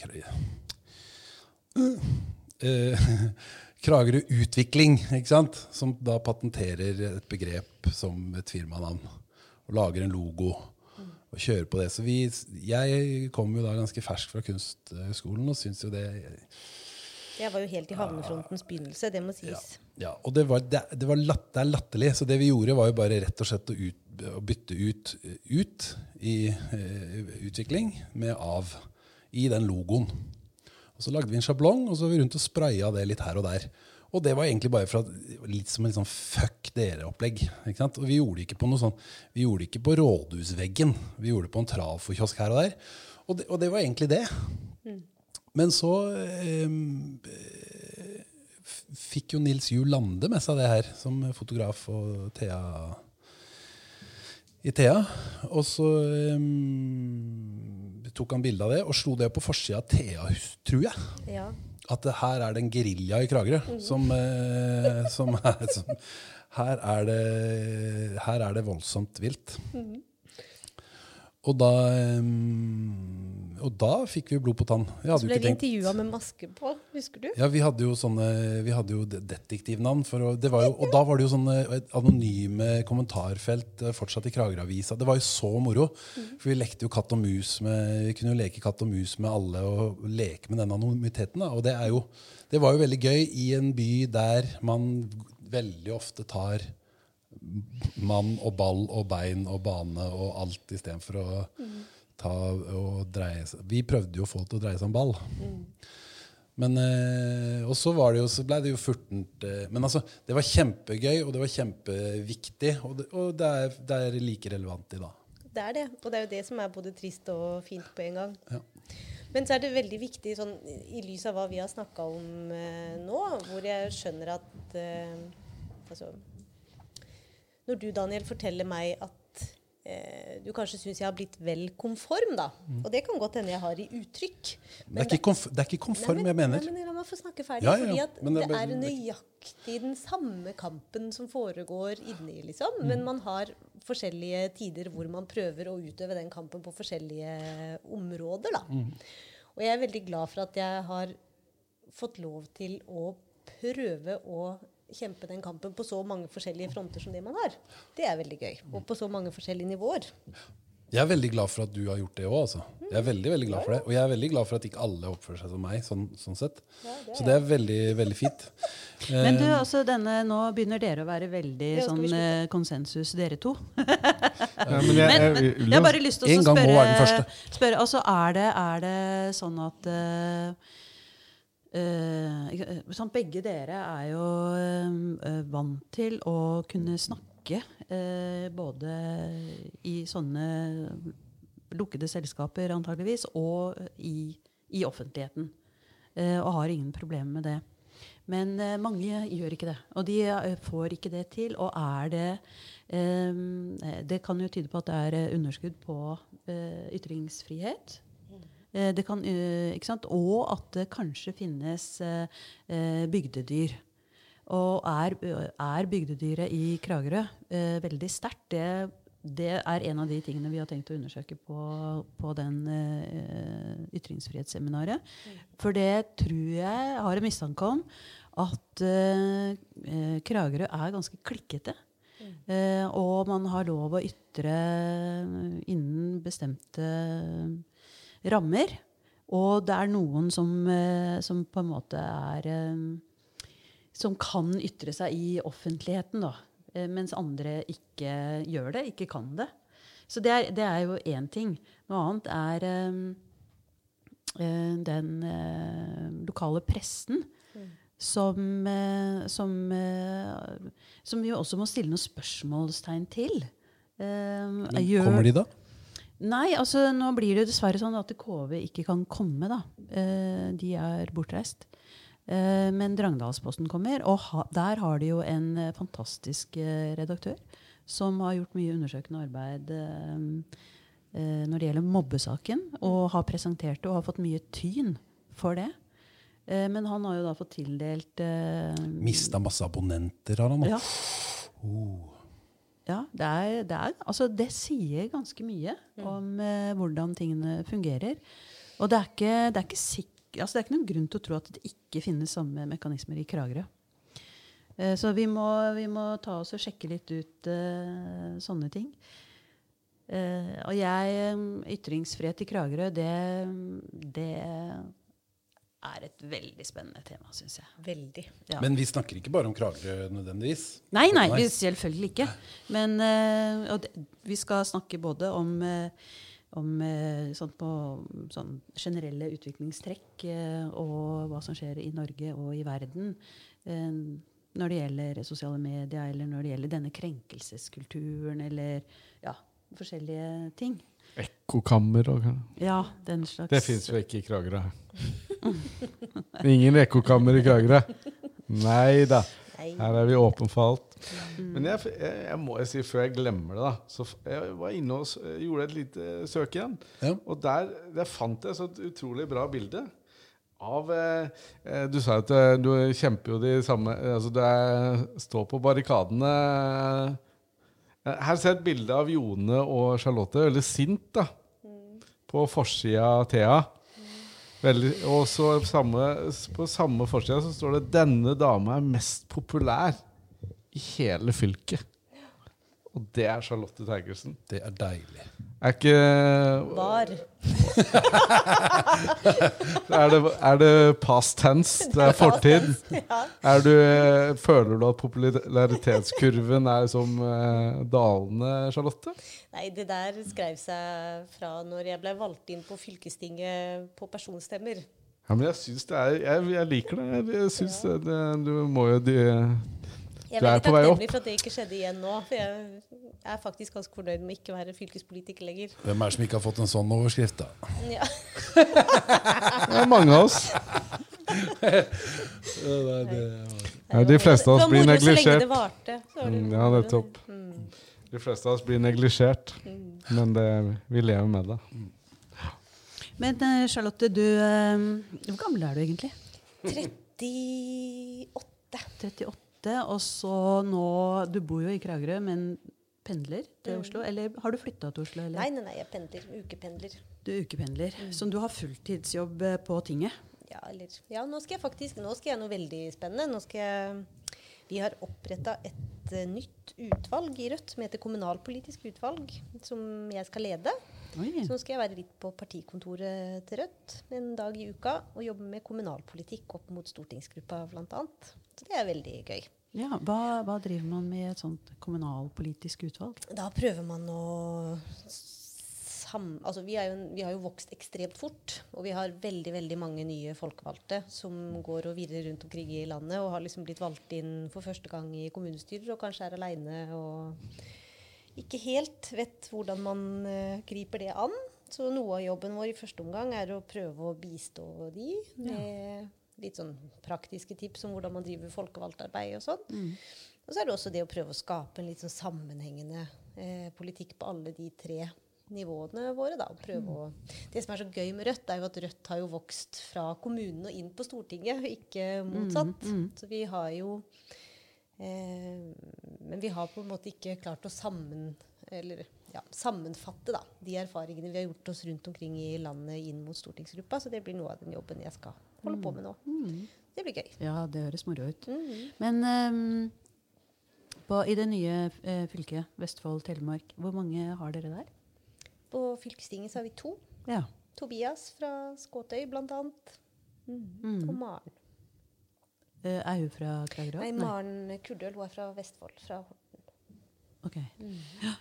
Nei, men det er jo veldig spennende å følge deg, da. Når du um, skal jobbe på, ja, på nasjonalt plan. Eh, og hvordan kan, kan Kommer det til å få noe Får vi noe utbytte av det her, tru? Får vi ny innfartsvei? Det er jo det vi vil vite. Får vi én til? Nei. Du får ikke en vei til, Daniel. Jeg vil ha det. Nei. Eh, nei, jeg vet ikke. Jo, man gjør det. Man gjør vel eh, ja, Ikke akkurat sånn som det er nå. Nå er jeg jo en sånn skarve rådgiver. Det har ikke så mye å, har ikke så mye å fare med sånn sett. Men eh, jeg tenker jo at det er eh, det er godt for Kragerø. Altså, nå har vi jo ganske mange på fylkestinget faktisk fra Kragerø. Det er vel tre eller fire stykker. Eh, og det er kanskje egentlig det viktigste stedet for Kragerø å være nå eh, fremover. Med tanke på videregående skole og, Mm. og sånn. Nå som vi har blitt et såpass stort fylke, så har vi ganske mye kommunikasjonsjobb å gjøre overfor Vestfold, med tanke på at vi er et mye større og mer geografisk sammensatt fylke enn det de er. Mm. Og det kan få ganske store konsekvenser, om ikke for Kragerø i første omgang, men hvis Grenland plutselig skal bli sett under ett i skolesammenheng, så blir det skummelt for Kragerø. Så vi skal være glad for alle som har en litt sånn fremskutt plass i Vestfold-Telemark. Jeg tenker på, til, tilbake til Trine igjen, som, fikk lov, som hadde snakket om så mange ting. Eh, og nå når vi ikke snakker om noen ting annet, så kan det da virke som at ikke du, har no, at ikke du bryr deg om noe annet enn politikk, eh, Og det, tror jeg, det vet jeg jo ikke er helt sant. Men er, blir du noen gang drittlei? Og sånn i forhold til, altså jeg tenker Noe av greia med Kragerø og politikken her, eh, som det jo er i små lokalsamfunn rundt forbi, er jo at man ikke ja, du aldri helt, har helt fri. Du kan ikke gå i byen og bare være slått eh, uten å måtte stå til svars for eh, budsjettsprekk eller en eller annen sprekk. Ja. Nei, vet du hva, Der syns jeg egentlig folk har vært ganske greie med meg. Det må jeg si, Men det er kanskje fordi at de er liksom vant til å se meg litt sånn ute i bybildet litt sånn seint på natta, jobbende i pub og sånn. Jeg vet ikke. Men det har ikke vært så gærent sånn, sånn sett. Ehm, Det hjalp nok litt der. Og at Jone òg var ute og tok eh, en del han, av støyten. han tok en for, tok en for tok en laget. Tok en hardt for laget. Nei, jeg kan ikke si at jeg syns det har vært uh, så vanskelig, egentlig. Men, det virker, men du er jo det, det i, i, i forlengelsen av det spørsmålet Du er jo Det er mye politikk. Veldig mye Det er mye politikk, liksom. Nå de siste fire Døgnet åra har det jo nesten bare vært politikk. Ja. Men jeg holder jo på med andre ting òg. Hva er det du holder på med andre ting? Jeg jobber på Stoppenhall. Ja. Jeg er- fører regnskap for Stoppenhall, og så har jeg akkurat gått inn som medeier i mm. Stoppenhall. Der har jeg jo vært i herlighet siden 2006 på Stoppenhall og Gjedspann. Så det er jo liksom i Jeg, jeg visste at du hadde en forbindelse, men jeg trodde du hadde permisjon eller noe nå. ja, Nei, jeg er har ikke helt klart å ha det. Nei. Ja. Jeg vil si at uh, det går ikke an å bo i denne byen uten å være fan av Stoppenhall. da. Det, det går ikke an med den bakgrunnen Og som og Jensmann. Vi tar med Jensmann i suget. Ja, for det er jo klart det at det, med dose i bakgrunnen og det engasjementet åpner opp eh, hele året, og det er veldig mange som har eh, hatt det eh, Ja. Det er et sted som, har en spesiell, som klinger spesielt i denne byen. Det, det kan jeg Jeg kommer jo ikke herfra, men det er helt klart. Men eh, også Stoppenhall går eh, gjennom noen endringer nå, ikke sant? Med at de har litt andre åpningstider og Kvitter oss med kafébiten. Det Ja. er bare sunt og godt for oss. Ok. Nå har vi gått litt tilbake til å være pub og satse enda mer på konserter og livemusikk. Og, Ja, bra. ja, Mm. I stedet for å drive med alt. For det er mm. det vi har gjort. Og det var en tid hvor Stoppenhall kunne drive med alt fordi at ikke det var noen andre som Altså, vi var ganske aleine, da, egentlig, både på dagtid og kveldstid sånn i, i vinterhalvåret, men det har endra seg. Og da tenker vi at det, vi skal holde på med det vi er best på, da. Ja, I dag har jo eh, Gro lansert eh, takeaway-app. Ok. oh. Ja, så det er klart at da må Det er jo masse ting som skjer i denne byen. Så det er, jeg tror det er, det er sikkert bra tenkt, og ikke at alle gjør det samme. Nei, det er jo litt lurt, det, altså. Det må være veldig tøft uh, marked, altså, med alle de forskjellige puber og spisesteder og sesonger. Og, og man må følge med i svingene. Nå skal vi ikke være så negative. Her er det masse spennende som skjer i byen. og Her, her er det vekstpotensial og utvikling som står på agendaen framover nå. Ja, det er sant. Det er, eh, er ikke det gode siste ord? At, eh, hvis, noen, hvis man tillater at jeg har det? Ab absolutt. Vekst og utvikling. Vekst og Ja, utvikling. framover! Ja. Nei! Ja, men da sier vi Skal vi si takk for eh, Si noe annet av det som, som, som outro. Ja. En outro? Skal vi si noe annet? ja, si noe annet. Altså, eh, jeg pleier å sitere Jeg pleier å dra fram Rosling, selvfølgelig. Det er ting eh, jeg, eh, Alle må lese 'Factfulness' av Hans Rosling eh, og si at livet er ganske bra. Eh, Folk ser negativt på ting, men egentlig så er mange som lever gode liv. Altså bedre liv enn før. Så jeg tror det er også sant. Selv om man eh, ser negativt på en del ting, så er også den andre delen av det der også. Skal vi, eh, fortsette nå? Se på dere? Nei. Nei. Men uh, tusen takk, Charlotte. Det, jeg Ja, tusen takk. Vi heier tusen på takk. deg. Ja. Takk Gjør det, altså. Natta. Natt.